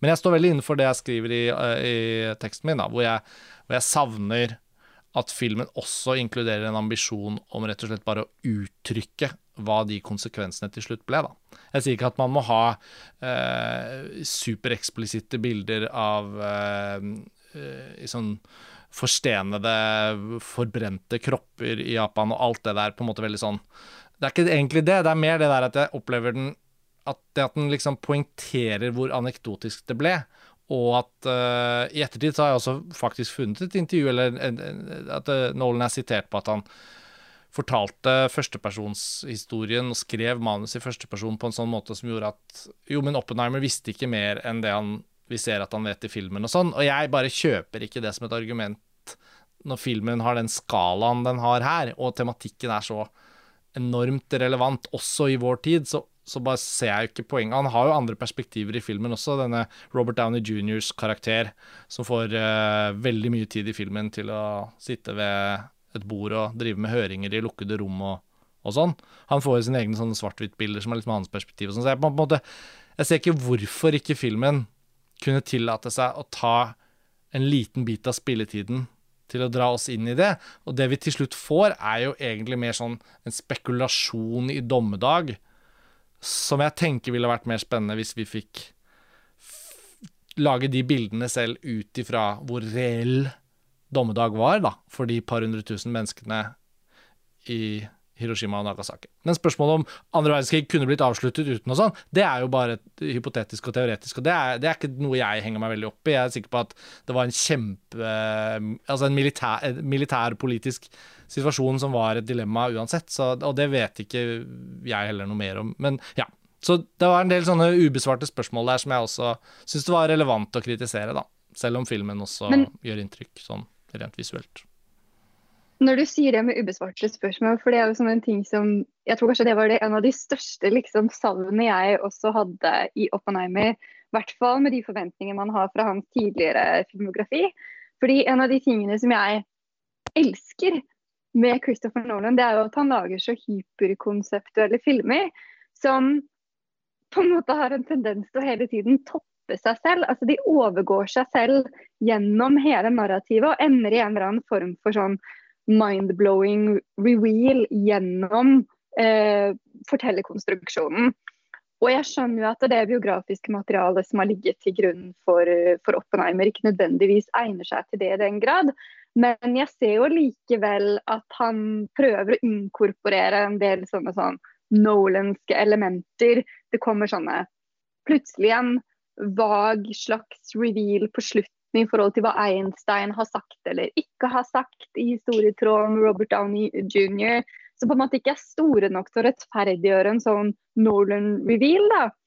Eh, og så innså jeg da jeg eh, prøvde liksom å tenke etter hva som manglet. fordi altså, The Prestige, f.eks., uh, som er en av mine yndlingsfilmer. Mm. Uh, og ikke bare pga. David Bowie, men jeg syns altså, det er en helt fantastisk uh, sånn håndverksfilm.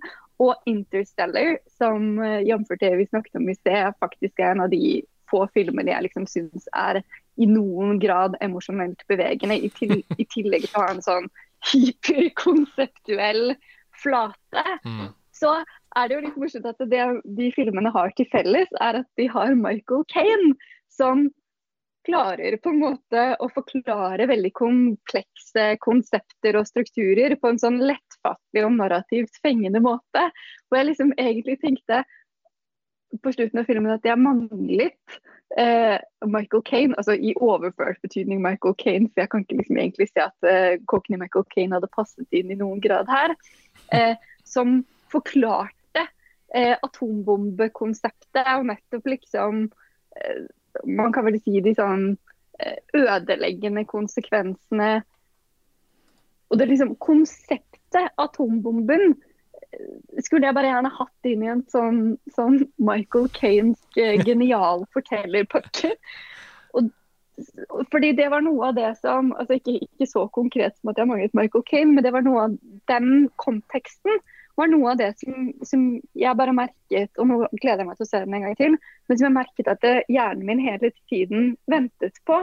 Jeg mm. ventet på konteksten, og jeg ventet på altså, den konseptuelle sammenhengen. Og at det på en måte skulle gå opp i en høyere enhet, sånn som Nolans filmer alltid gjør. Men ikke i den graden jeg kanskje hadde forventet eller håpet på.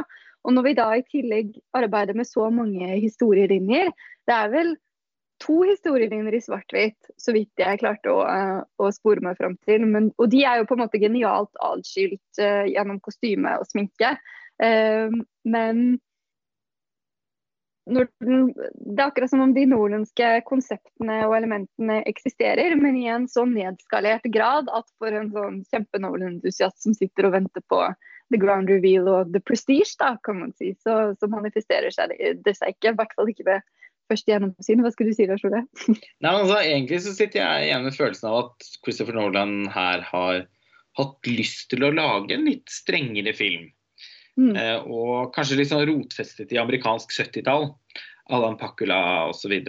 Men, Mm. men underveis erkjent at hans metode og fortellermåte likevel er en annen. Mer montasjebasert, impresjonistisk. Og Nolan har ved flere anledninger trukket fram Terence Malick, og særlig Den tynne røde linjen, som en viktig Mm. inspirasjonskilde. Eh, og den har ikke alltid vært helt enkel å få øye på, bortsett fra i Dunkerque. Men den gangen her så var den ganske tydelig opp til flere passasjer, og det var noe jeg likte veldig godt. da. Det, den brytningen der syns jeg skapte noe, og, og jeg syns jo filmen ser helt fantastisk ut. Eh, Hoite Ja. van Hoitema si, sitt foto med alle de teksturene og svartnivåene og bronselysene og sånn som man forventer. Men eh, for å møte deg litt her, da, så savnet nok jeg også en eller flere helt utrolige sekvenser. Enkeltsekvenser. Der Nolan liksom tar fram hele verktøykassa og, og skrur opp til 111, som han så ofte har gjort tidligere. Og jeg er enig i at mange av Nolan-filmene, nettopp ved at de er så konseptuelle, eh, har en egentlig ganske sånn egenrådig dramaturgi, som jeg ofte får følelsen av at mange kritikere ikke helt eh, klarer å henge seg på. Eh, der nettopp det at filmen rent faktisk overgår seg selv hele tiden innenfor de rammene som er stiplet opp, er noe av den sånn eh, magefølelses, sanselige gleden ved å oppleve filmene hans på så stort lerret og med så høy lyd som, som overhodet mulig. Og det kicket inntreffer aldri her. Heller ikke den atombombeprøvesprengningen blir jo noe utover det man har kunnet forvente. Og da slynges jeg jo litt tilbake til nettopp drømmen om hva Nolan kunne gjort med et sånt utgangspunkt, som i utgangspunktet er en action science fiction-regissør.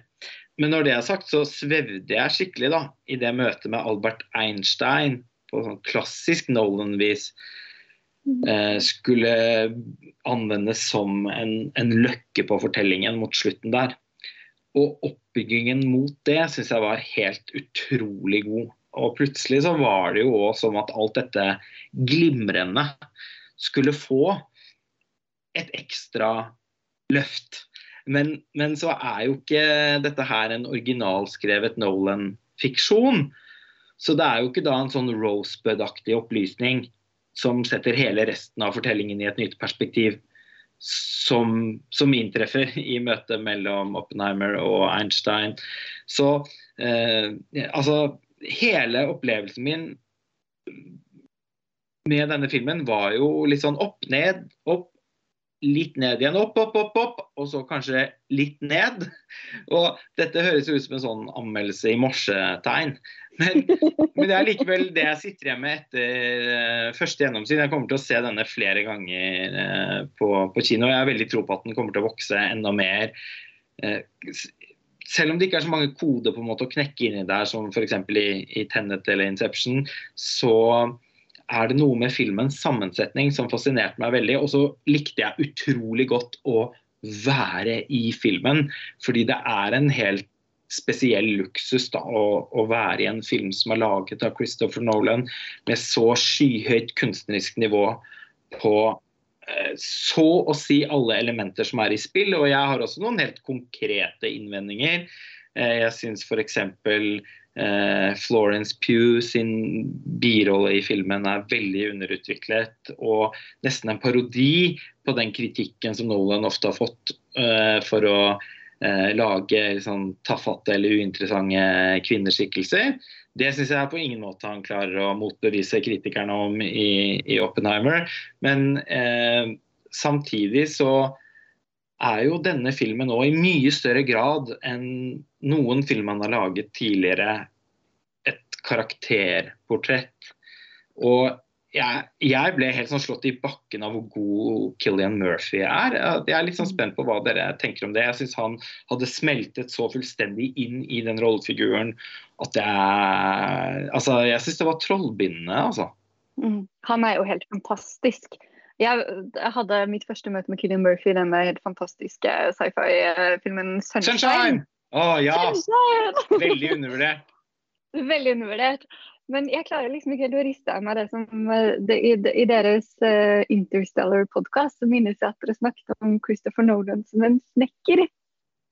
Ja, det var ingen av oss, uh, tror jeg. Det må ha vært uh, Sveinung eller noe sånt noe. Det var sikkert Sveinung, ja. Og han Men, har jo ofte følt at Nolan mest av alt er en fantastisk håndverker, men ikke helt en regissør med det autøravtrykket som eh, ja, flere av oss andre i, i montasje har eh, hevdet. da. Men Killian Murphy, han, han, gjør jo alt man kan forvente her. Altså jeg tenker sånn Ut ifra det å spille rollen sånn som den er skrevet, så tenker jeg man kunne ikke forvente noe mer av ham. Men jeg syns jo rollefiguren um, kanskje hadde vært mer spennende å følge lineært, faktisk. Det diskuterer jeg litt i anmeldelsen min også. Jeg, jeg, ja, det var litt spennende poeng du hadde. Jeg er usikker på om, om Nolan eh, Altså, han ved å tvinge inn sin faste på en måte forskyvning av kronologi, så gjør han egentlig den mest sånn konvensjonelle Nolan-filmen også. Eh, fordi han får ikke noe mer ut av de bruddene i kronologi i hvert fall ikke enn han har gjort i andre filmer. I andre filmer så er det jo så integrert med hva det leder til, at det på en måte blir hele filmens Altså Det blir så utrolig viktig for å oppleve hva filmen til slutt handler om. Mens her så føles det for meg tvunget øh, øh, også en slags sånn formessig idé som nesten kommer som en sånn automatikk, fordi det er det han gjør. Det mest eksperimentelle, og kanskje det som ville imponert meg mest, var hvis han gjorde sin The Straight Story, da, sånn som David Lynch plutselig gjorde da han kom med den filmen.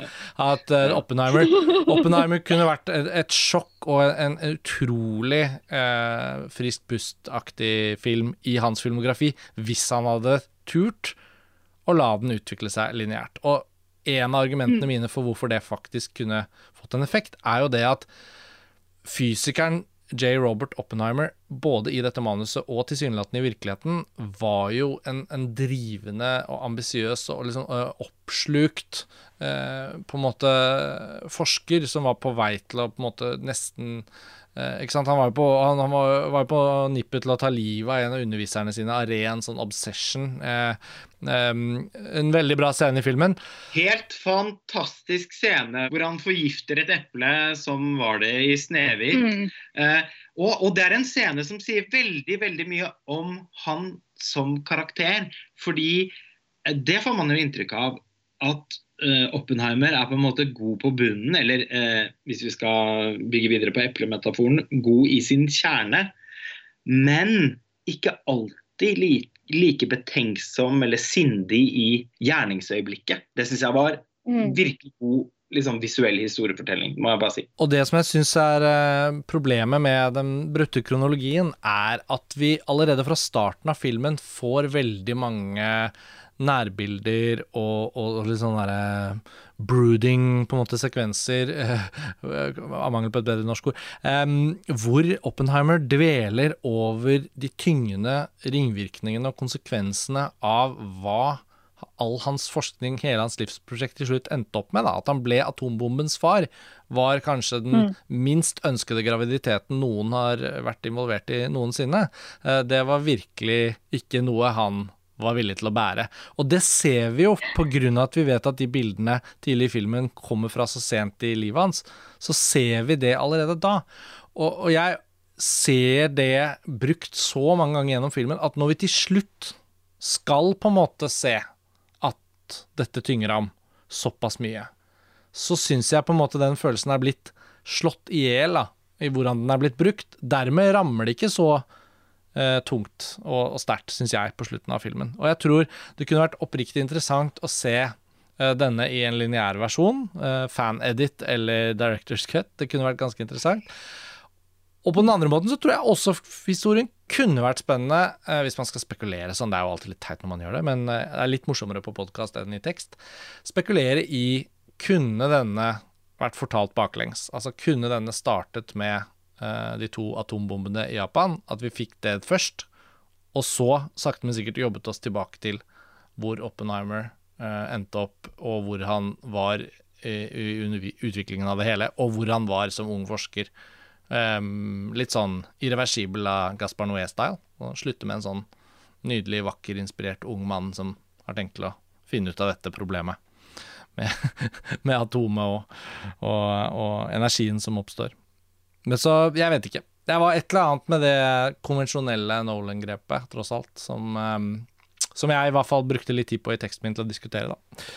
Men ja, Gjensyn med denne filmen vil helt sikkert gi noen nye innsikter, og jeg, mm. jeg, er også parat for det. Få filmskapere har vist det med mer tydelighet enn Nolan, så jeg er eh, selvfølgelig ikke ferdig med denne filmen eh, på noen måte. Selv om jeg, jeg syns den ja, den egner seg for en del kritiske innvendinger.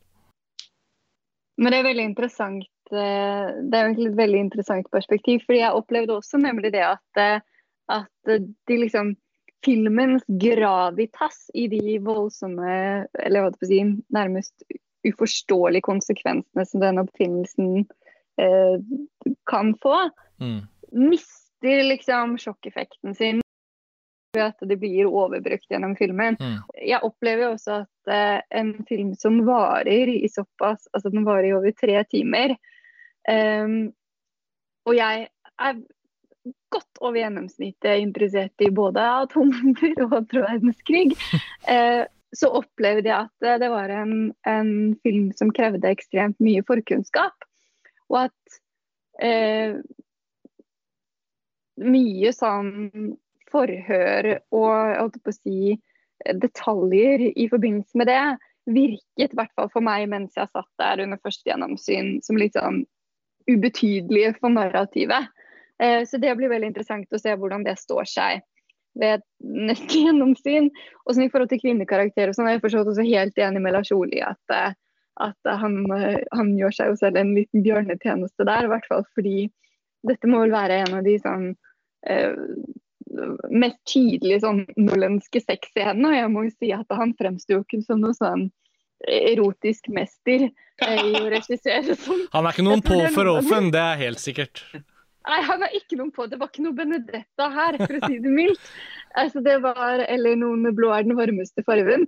Det var ganske uh, Jeg tror kanskje aldri jeg har sett så tørre sexscener på film. Det var sånn at det, Jeg ble nesten litt Og Oppenheimer, virkelighetens Oppenheimer skal jo ha vært en kvinnebedårer, og det er jeg ikke i tvil om at uh, Kevin Murphy er heller. Jeg bare Jeg ble nesten litt sånn sjokkert over tørrhetsfaktoren ja. i de nolanske sexscenene. For det var nesten som å se noe som jeg ikke burde se.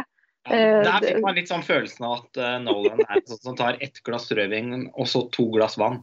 ja. ja. Men desto mer fuktig var jo alkoholskildringen, da, for Emily Blunt har vel signert noe av den høyeste flaskeføringen uh, på denne siden av Kirsten Dunst i The Power of the Dog. Har dere sett den Annie-filmatiseringen fra 80-tallet? Ja, til John Houston. Ja, den har jeg sett til John Houston. Mm. Ja, og det var veldig sånn Miss Hannigan med flaska. Mm. Eh, også fordi den foregår i samme periode. Mm. i mye av mye, Jeg må innrømme at jeg, etter å ha lest din tekst, Karsten, forestilte meg noe vesentlig mer parodisk enn det som var tilfellet. Og jeg syns at Emily Blunt gjorde en veldig fin rolleprestasjon, mm. selv om den eh, karakteren også kunne vært bedre bedre utviklet. hvilke, personlighet, hvilke, personlighetstrekk vil du si at du fikk vite da om henne? Nei da, altså eh, Nå arresterer du godt. Fordi Nei, jeg tenker jo at eh, Nolan her har jo dessverre da redusert de eh, viktige kvinnene i Oppenheimers liv til å være noen som enten bare har sex eh, eller drikker seg fulle eller gråter. Mm. Og det er jo klart at eh, det er jo blir jo da i sum en sånn parodi på en film som ikke ville bestått uh, Bechdel-testen. Uh, men jeg har litt lyst til å si noe om ønsket ditt om en, om en uh, Nolan-film som da eksperimenterer ved å uh, fortelle historien kronologisk. I likhet med deg så begynner jeg også å fantasere om Tenk om Nolan ikke hadde på en måte brukt opp det grepet i Memento med baklengsfortelling. Mm. Eh, dette var kanskje historien hvor han kunne fått mest ut av det, uten å da på en måte forsøke å eh, fortelle Nolan eh, hvordan han burde forvalte dette utgangspunktet. Men det er i hvert fall veldig gøy å, å, å se for seg hvordan det kunne ha vært. Og kanskje er det litt en kvalitet ved at filmen nettopp er en sånn miks av litt forskjellige typer tilnærminger. At eh, eh, den skaper nødvendigvis da også en del ideer om andre filmer. Og i det så ligger det kanskje også et fravær av arroganse eller eh, fravær av ønske om å ta eierskap til denne historien og fortelle den definitive versjonen. Og jeg liker veldig godt å merke at Nolan også føler seg litt fram her. At han vakler litt. At han eh, eh, ikke har den kontrollen som vi nettopp forbinder med han.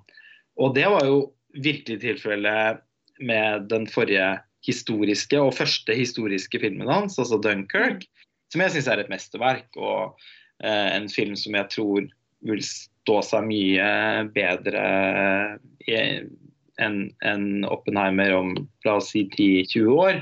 Jeg fornemmer nok at den umiddelbare mesterverkerklæringen av Oppenheimer, og ganske mange kritikere løfter da fram dette som Nolans foreløpig beste film, at han på en måte endelig har lyktes litt, det tror jeg er veldig prematurt.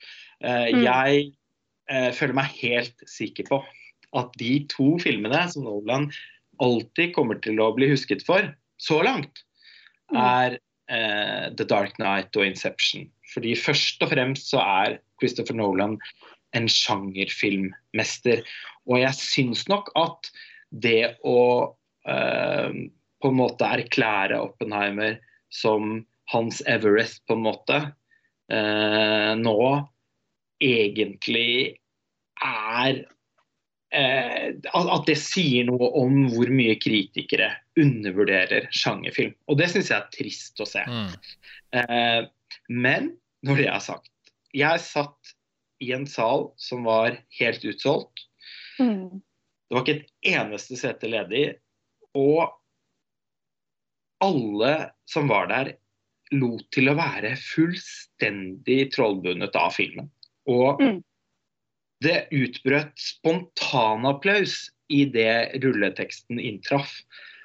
Oi. Og derfor så tenker jeg også at Nolan her på en måte har, kanskje har lyktes rett og slett med å lage sin mest sånn allment tilgjengelige publikumsvinnende film siden The Dark Knight-trilogien. Om et tema som virkelig engasjerer, og ikke minst godt timet, da, med tanke på mm.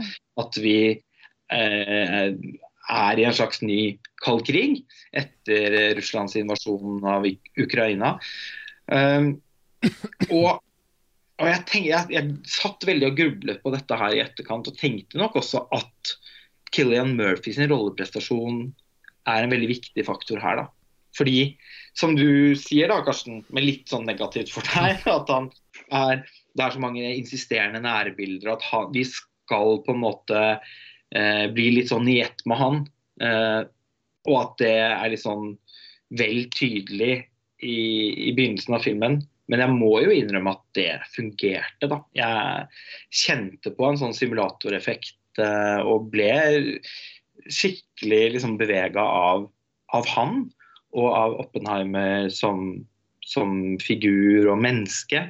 Og jeg syns nok òg at Nolan lykkes overraskende godt med å gi han en del menneskelige trekk underveis. Det er ofte i sånne små detaljer Nolans dialog har jo alltid vært ganske mekanisk. Eh, ofte kritisert for å være såkalt ekspositorisk.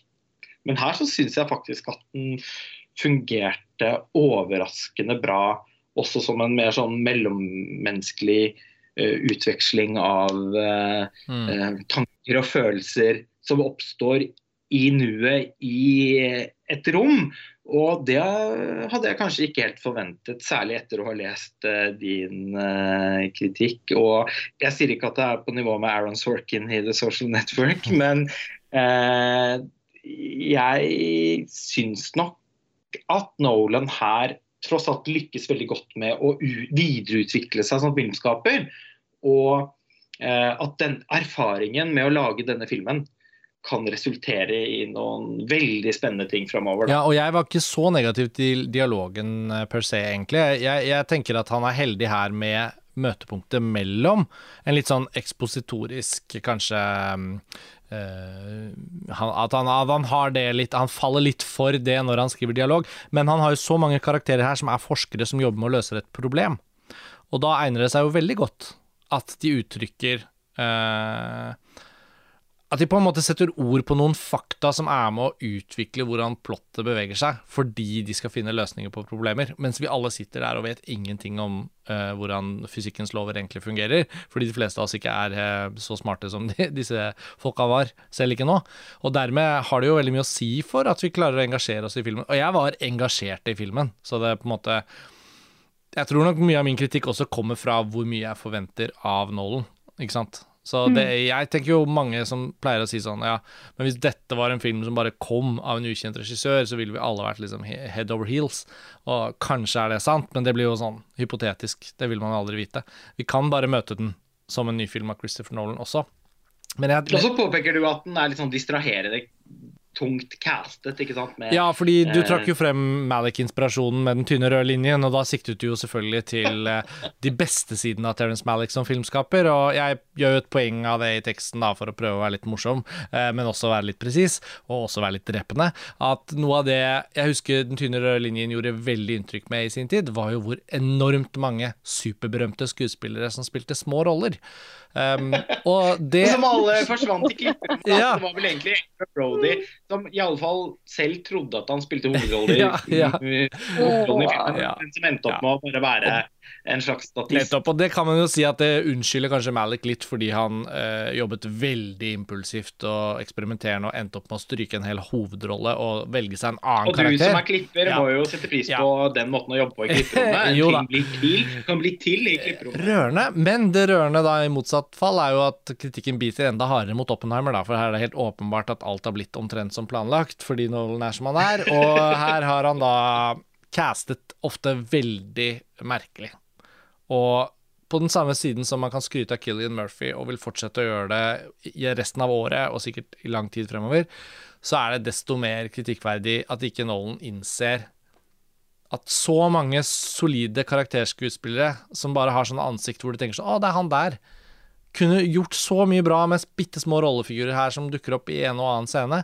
Mens isteden så er det sånn Casey Affleck, Rami Malek og Gary Old... Ja, og det de to ja, står ut Og Gary Oldman. Jeg syns ikke Gary Oldman egnet seg spesielt godt i en slags sånn herre um, Darkest Hour Churchill-remake som Harry Truman. Så nei. Nei takk til den, Nei, takk til den men, biten. Men du, jeg kom faktisk, altså, du nevner jo også JFK til Oliver Stone i teksten din, mm. som jeg syns er et mesterverk. Eh, og som får til mange ting som Oppenheimer prøver på i enda større grad, da. Det må sies. Ja. Men det er faktisk også en sånn film hvor man liksom sitter og Oi, var det han? Var det hun? Var det Oi? Så, eh, men eh, kanskje tenker man at eh, det er en slags eh, styrke for filmen i forbindelse med markedsføring. Jeg vet ikke. Det ble i alle fall bar rumpe på tallerken med tanke på den skuespillerstreiken i Hollywood. og jeg er selvfølgelig helt enig at jeg syns at det er litt sånn kunstnerisk veldig uheldige valg. Jeg har lyst til å løfte fram Benny Safti, som jeg i hver eneste film ser han i, tenker at jeg er en helt sinnssykt bra ja. uh, nesten helt ufattelig karismatisk skuespiller. Han er altså dritbra. i Han er kjempebra. Josh Hartnett er kjempebra. Jeg likte han, han og han er alltid likt. Så han, liksom, han, gjør comeback. Så all den typen casting her var jo helt utmerket. Jeg kan ikke si at jeg alltid har likt Josh Hartnett. Jeg syns han har vært det verste med opptil flere filmer han har medvirket i. Men det er bare et skikkelig trivelig gjensyn med Hollywoods eh, svar på Morten Harket. Ja, morsomt. Jeg, jeg, synes, jeg har vært, kanskje alltid vært liksom Josh Hartnett-apologet, kanskje. Jeg syns han alltid har vært bra, men han ble jo aldri egentlig stjerne. Han skulle jo bli stjerne da han ble castet i Pearl Harbor til Michael Bay, en film jeg strengt tatt egentlig alltid har likt, eh, men har sluttet å tørre å si at jeg egentlig liker. Eh, og nå er det kanskje litt sånn Nei, du har begynt å si at du Ja, men til deg, si ja. Men det er noe annet. Føler at hver, hver gang vi har en sånn DJ-kveld, Ja. så skal du vise noen scener fra Pearl Harbor. Og så er de jo helt utrolige, da. Hva tenkte du om castingen, eh, Ida? Du, jeg syns, eh, jeg syns eh, mye av den var eh, helt fantastisk. Jeg moret meg jo stort over Kenneth Branagh som Nils Bohr, f.eks. Den kjente danske fysikeren. Men Nei, det er jo noe rart med å sitte altså, det, er sånn, sånn, det er jo som å sitte og se en film fra før folk ble ordentlig kjente. Når man ser at Det er liksom å se en Wes Anderson-film, det er ikke sant? Når man ser på Mm. Kjempestore skuespillere som har, som har tatt eh, 200 kroner for å spille en bitte liten rolle. Det er jo noe sånn, jeg holdt på å si nesten eksotisk, eh, eksotisk over det.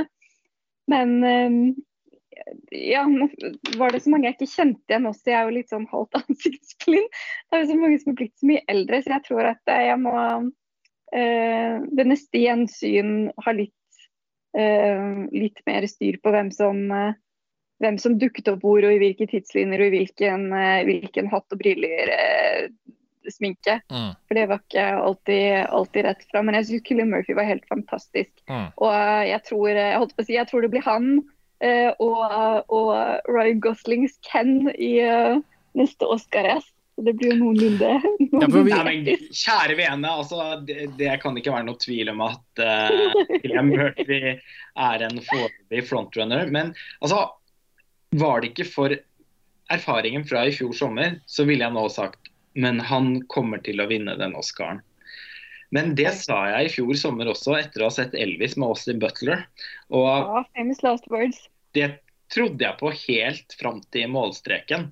Eh, og Mm. da brant jeg meg på den stadig mer glødende, uforutsigbare kokeplaten som Oscar-utdelingen har vist seg å bli. Så jeg tør ikke å hevde det igjen. Men eh, det, det, ja, det skal godt gjøres at det kommer en mer imponerende rolleprestasjon i en amerikansk film, i hvert fall i løpet av året som går. Men jeg og Karsten for eksempel, har jo sett Wim Wenders sin nye film 'Perfect Days' i Cannes som har en helt magisk hovedrolle som jeg, Mm. Som vant prisen i Cannes for beste mannlige ja, som jeg håper og tror kommer til å bli eh, Oscar-nominert. Og i en sådan situasjon så vil jeg jo kanskje heie enda mer på han også, selvfølgelig, fordi at det er litt gøyere med en sånn underdog. Men, men, men wow, altså. Killer Murphy, en skuespiller jeg alltid har likt veldig godt og hatt kjemperespekt for, Mm. og kanskje Mm. følt at ikke helt har fått utenom Peaky Blinders, kanskje, har men liksom fått muligheten til å vise hva han er god for i en film av et format som Oppenheimer. Ja, og et eh, Oscar-visdomsord som jeg dessverre føler jeg må trekke inn her, er er at det skal mye til å vinne i hvert fall beste film if it doesn't make you cry, på en måte. Og det var jo nok derfor Mm. Brendan Frazier også til slutt vant den Oscaren. Det var mange som var imponerende i fjor i forhold til å gjøre et gestalt, men til slutt så var måten folk ble rørt av The Whale på, det var til slutt begeret som fikk det til å renne over, holdt jeg på å si.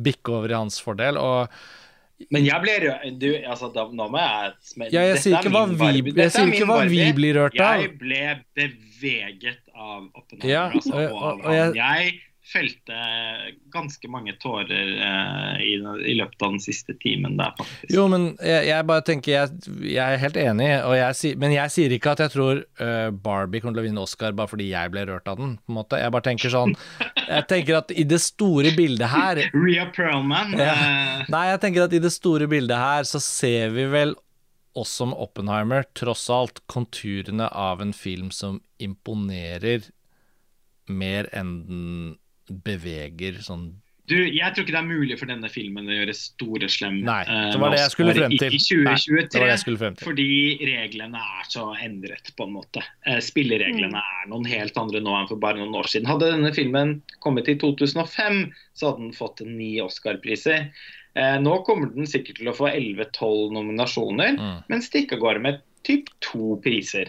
For uh, Killian Murphy, tror jeg. Og kanskje for beste manus, som en slags karrierepris for Nolan. Beste regi pleier også å være litt sånn, en litt sånn sentimental pris. altså, mm. jeg vet ikke, Det er så mange overveldende imponerende regisserte filmer som taper til fordel for filmer som folk har reagert enda sterkere på emosjonelt. Mm. Så det klarer jeg ikke å si at jeg føler. Men beste manus, beste mann i hovedrolle og kanskje beste musikk. Jeg tror eh, Ludvig Göranssons bidrag allerede er litt Eh, kontroversielt. I og med at det fortsatt Jeg, jeg registrerer dette i, i, i, anmeldelser og på Twitter, og sånn at det fortsatt er da noen som mener at denne musikken er, tar altfor mye plass i filmen. Men altså, for min del så er egentlig alle Nolans filmer også noen slags musikkvideoer. Mm. Eh, og veldig sånn eh, orkestrale eh, verk. da, som, Der jeg føler at musikken er en så viktig stemme i historiefortellingen at uh, ja, jeg, Det er noe av det jeg liker aller best med filmene. Så jeg må bare si at jeg syns at det soundtracket er helt uten sammenligning årets beste. da. Jeg har hørt masse det utenom filmen. Hva sa du, Ida? Ja, jeg savnet egentlig det musikalske i Oppenheimer. Ja, jeg, er enig i at det ikke er høyt nok mikset, men det er tross alt ganske mye musikk der. Altså, på tider så følte jeg også litt at jeg satt og så på en trailer, på en måte. Uh. Jeg var for så vidt enig med Johnny Greenwood-referansen. fordi Et av de liksom, musikkstykkene som jeg hang meg fast i, var det sånn fantastiske strykerstykket som kom. Uh, ja, det er veldig jeg, bra. det er jo savnet, enda bedre enn å savnet, Ja, nei, du kjenner mitt forhold til synd. Eh, det var enda bedre uten synden. Men jeg tror det jeg sånn savnet litt i Oppenheimer, og det kan ha noe med at jeg ikke hadde god nok oversikt over filmen, og at jeg trenger å se den en gang til, det var nettopp et Altså, man kan si, altså, det var jo nettopp at jeg ikke fikk tak på på temaet. Altså at, det ikke, at det ikke hadde det liksom store nordenske gjenkjennelige temaet. Det kan godt være at det endrer seg gjennom syn, men det var ikke noe, si, det, det var ikke noe interstellar, i hvert fall for meg. Altså Det soundtracket har spunnet uh, eh, 24-7 siden jeg så filmen. Og ja, det er et tema der. Og uh, det er en sånn syntutvikling i de aller beste sporene som minner om uh, Para One sitt soundtrack til 'Girlhood' av Celine Siamma. En film jeg har et veldig ambivalent forhold til, men det soundtracket som jeg har på vinyl, har jeg altså spilt til døds. Og Det er en sånn økning i liksom synteakkordene som så jeg får helt sånn eh, altså kiler i magen, da. Og det, gjorde, det gjør da eh, en del passasjer i eh, Ludvig Göranssons eh, soundtrack her også. Der er, må jeg bare si, der legger jeg inn alle Det syns jeg bare er helt, helt fantastisk. Så ja. Det håper jeg vinner, men det er sikkert altfor bra til å vinne. Jeg sitter jo, altså, og musikk er egentlig så, de to Oscar-prisene jeg alltid er mest opptatt av. Uh, og eh, nesten alltid blir mest skuffet over. Fordi jeg føler nesten aldri at beste score eh, faktisk vinner. Det er alltid en eller annen Nei, altså mm. det, der, der, er jeg så Jeg har brent barn skyr i ilden. Dette er jo typisk år hvor en film som Bradley Coopers nye produksjon som har premiere i Venezia, 'Maestro', kan melde seg og bare nappe i alle kategorier. Det er da en biografisk film om Leonard Bernstein, med Bradley Cooper i tittelrollen som The Maestro, og også som regissør. Og det er jo typisk sånn at han da vinner beste mannlige hovedrolle og regi. Sånn. Og originalmusikk fordi det handler om en komponist. Og sånn. Oscar, skjønner du at Oscar Akademi stemmer så veldig én til én, og de er jo også litt sånn Det er jo ikke alltid så imponerende hvordan de tenker. Nei, men så er de jo også mer og mer opptatt av uh, at filmene de belønner skal ha en viss grad av representasjon osv. Og, så og der kommer i hvert fall Oppenheimer fullstendig til kort. da. Så, sånn sett så har jeg ikke så veldig troa på den som en sånn Oscar juggernaut, men et par veldig fortjente priser tror jeg den kommer til å ta med seg. Nedstemt blir vi Iallfall uansett av hvordan Oppenheimer eh, lander som film, fordi den har et så mm. utrolig mørkt budskap, eh, inkludert den siste konklusjonen til hovedpersonen i samtalen med Albert Einstein. Så, så om det også leder til nedstemthet i Oscar-kampanjemessige prismuligheter, så kanskje det bare matcher med filmens litt sånn dommedagslignende vibe. Men apropos sånn representasjon, da, fordi det er jo litt interessant bare sånn i forhold til kostymene. Fordi det er, det er jo som en evig Oscar uh, Oscar Hubsko er jo at det skal være ganske mye kostyme i en gjerne periodefilm før det på en måte blir anerkjent som en, en god sånn Oscar-kostymefilm. Men uh, vi er jo i periodefilmterritoriet. Men uh, si, representasjonen i Oppenheimer gjør jo at at man har et veldig sånn, altså, kanskje i likhet med Dunkerque, da, altså et veldig sånn uniformt eh, kostymeuttrykk. Eh, fordi det er liksom Fifty Shades av dresser eh, i, bakt ulike tidsperioder. Og da får man et ganske si, et, et, et kostymeuttrykk som er ganske lett å undervurdere. Fordi eh, detaljene og nyansene i den herrebekledningen er så, er så små. Mm. Og så insidervennlig. Det blir som å se en episode av Succession. ikke sant? Man skal gjenkjenne ørsmå detaljer i Quiet Luxury, eh, eller stealth wealth, som er yndlingsbegrep oh, omkring det. Det skal jeg begynne å bruke. Altså, hvor det er hvor du skal være ja, det er veldig morsomt. Hvor man skal være inne i en referanseramme for å på en måte kunne gjenkjenne, gjenkjenne detaljer og nyanser. Og det er også noe av det som gjør vært, altså Selv for meg som, som burde være forholdsvis inni det, og som eh, sikkert er det mer enn eh, gjennomsnittlige eh, kinogjenger, så er jo det noe av det som, som gjør at eh, tidslinjene kan være litt sånn eh, vanskelig å greie med en gang. Fordi eh, altså, moteuttrykket bl.a. er så likt. Men jeg må jo si at der hvor man har kvinnemote, da, hvor det er litt lettere å, å, å skape litt eh, blast, eh, hvor det er litt mindre uniformert, så er det helt fantastisk. Og det er hun, jeg klarer ikke å uttale etternavnet hennes, men det er hun Ellen Mirosjnik som er kostymedesigner. Og hun Eh, er jo bl.a. kostymedesigneren fra en av mine veldig store yndlingsfilmer, som jeg er sikker på at dere er enig i, 'Showgirls'. ja! det er morsomt. Men også bare sånn, Kostymedesigneren fra 'Showgirls'. Det er kostymedesigneren fra 'Showgirls' og 'Bridgerton', Oi. av alle ting. Altså, som jo er eh, som også, også den er, ultimate anakronistiske kostymedesigneren, med andre ord. ja. Bridgerton og Showgirls, altså amongst many, fordi altså, hun har en helt sinnssyk eh, altså, en helt sinnssyk CV. Jeg syns bare at akkurat de to eh, de representerer ganske sånn eh, diametralt eh, motsatte eh, deler av kostymespekteret. Men eh, det er jo Ja, jeg må bare si hvis man skal Det var ikke nødvendigvis det jeg liksom fokuserte mest på i Oppenheimer, for man skulle virkelig ha tungen rett i i tre timer.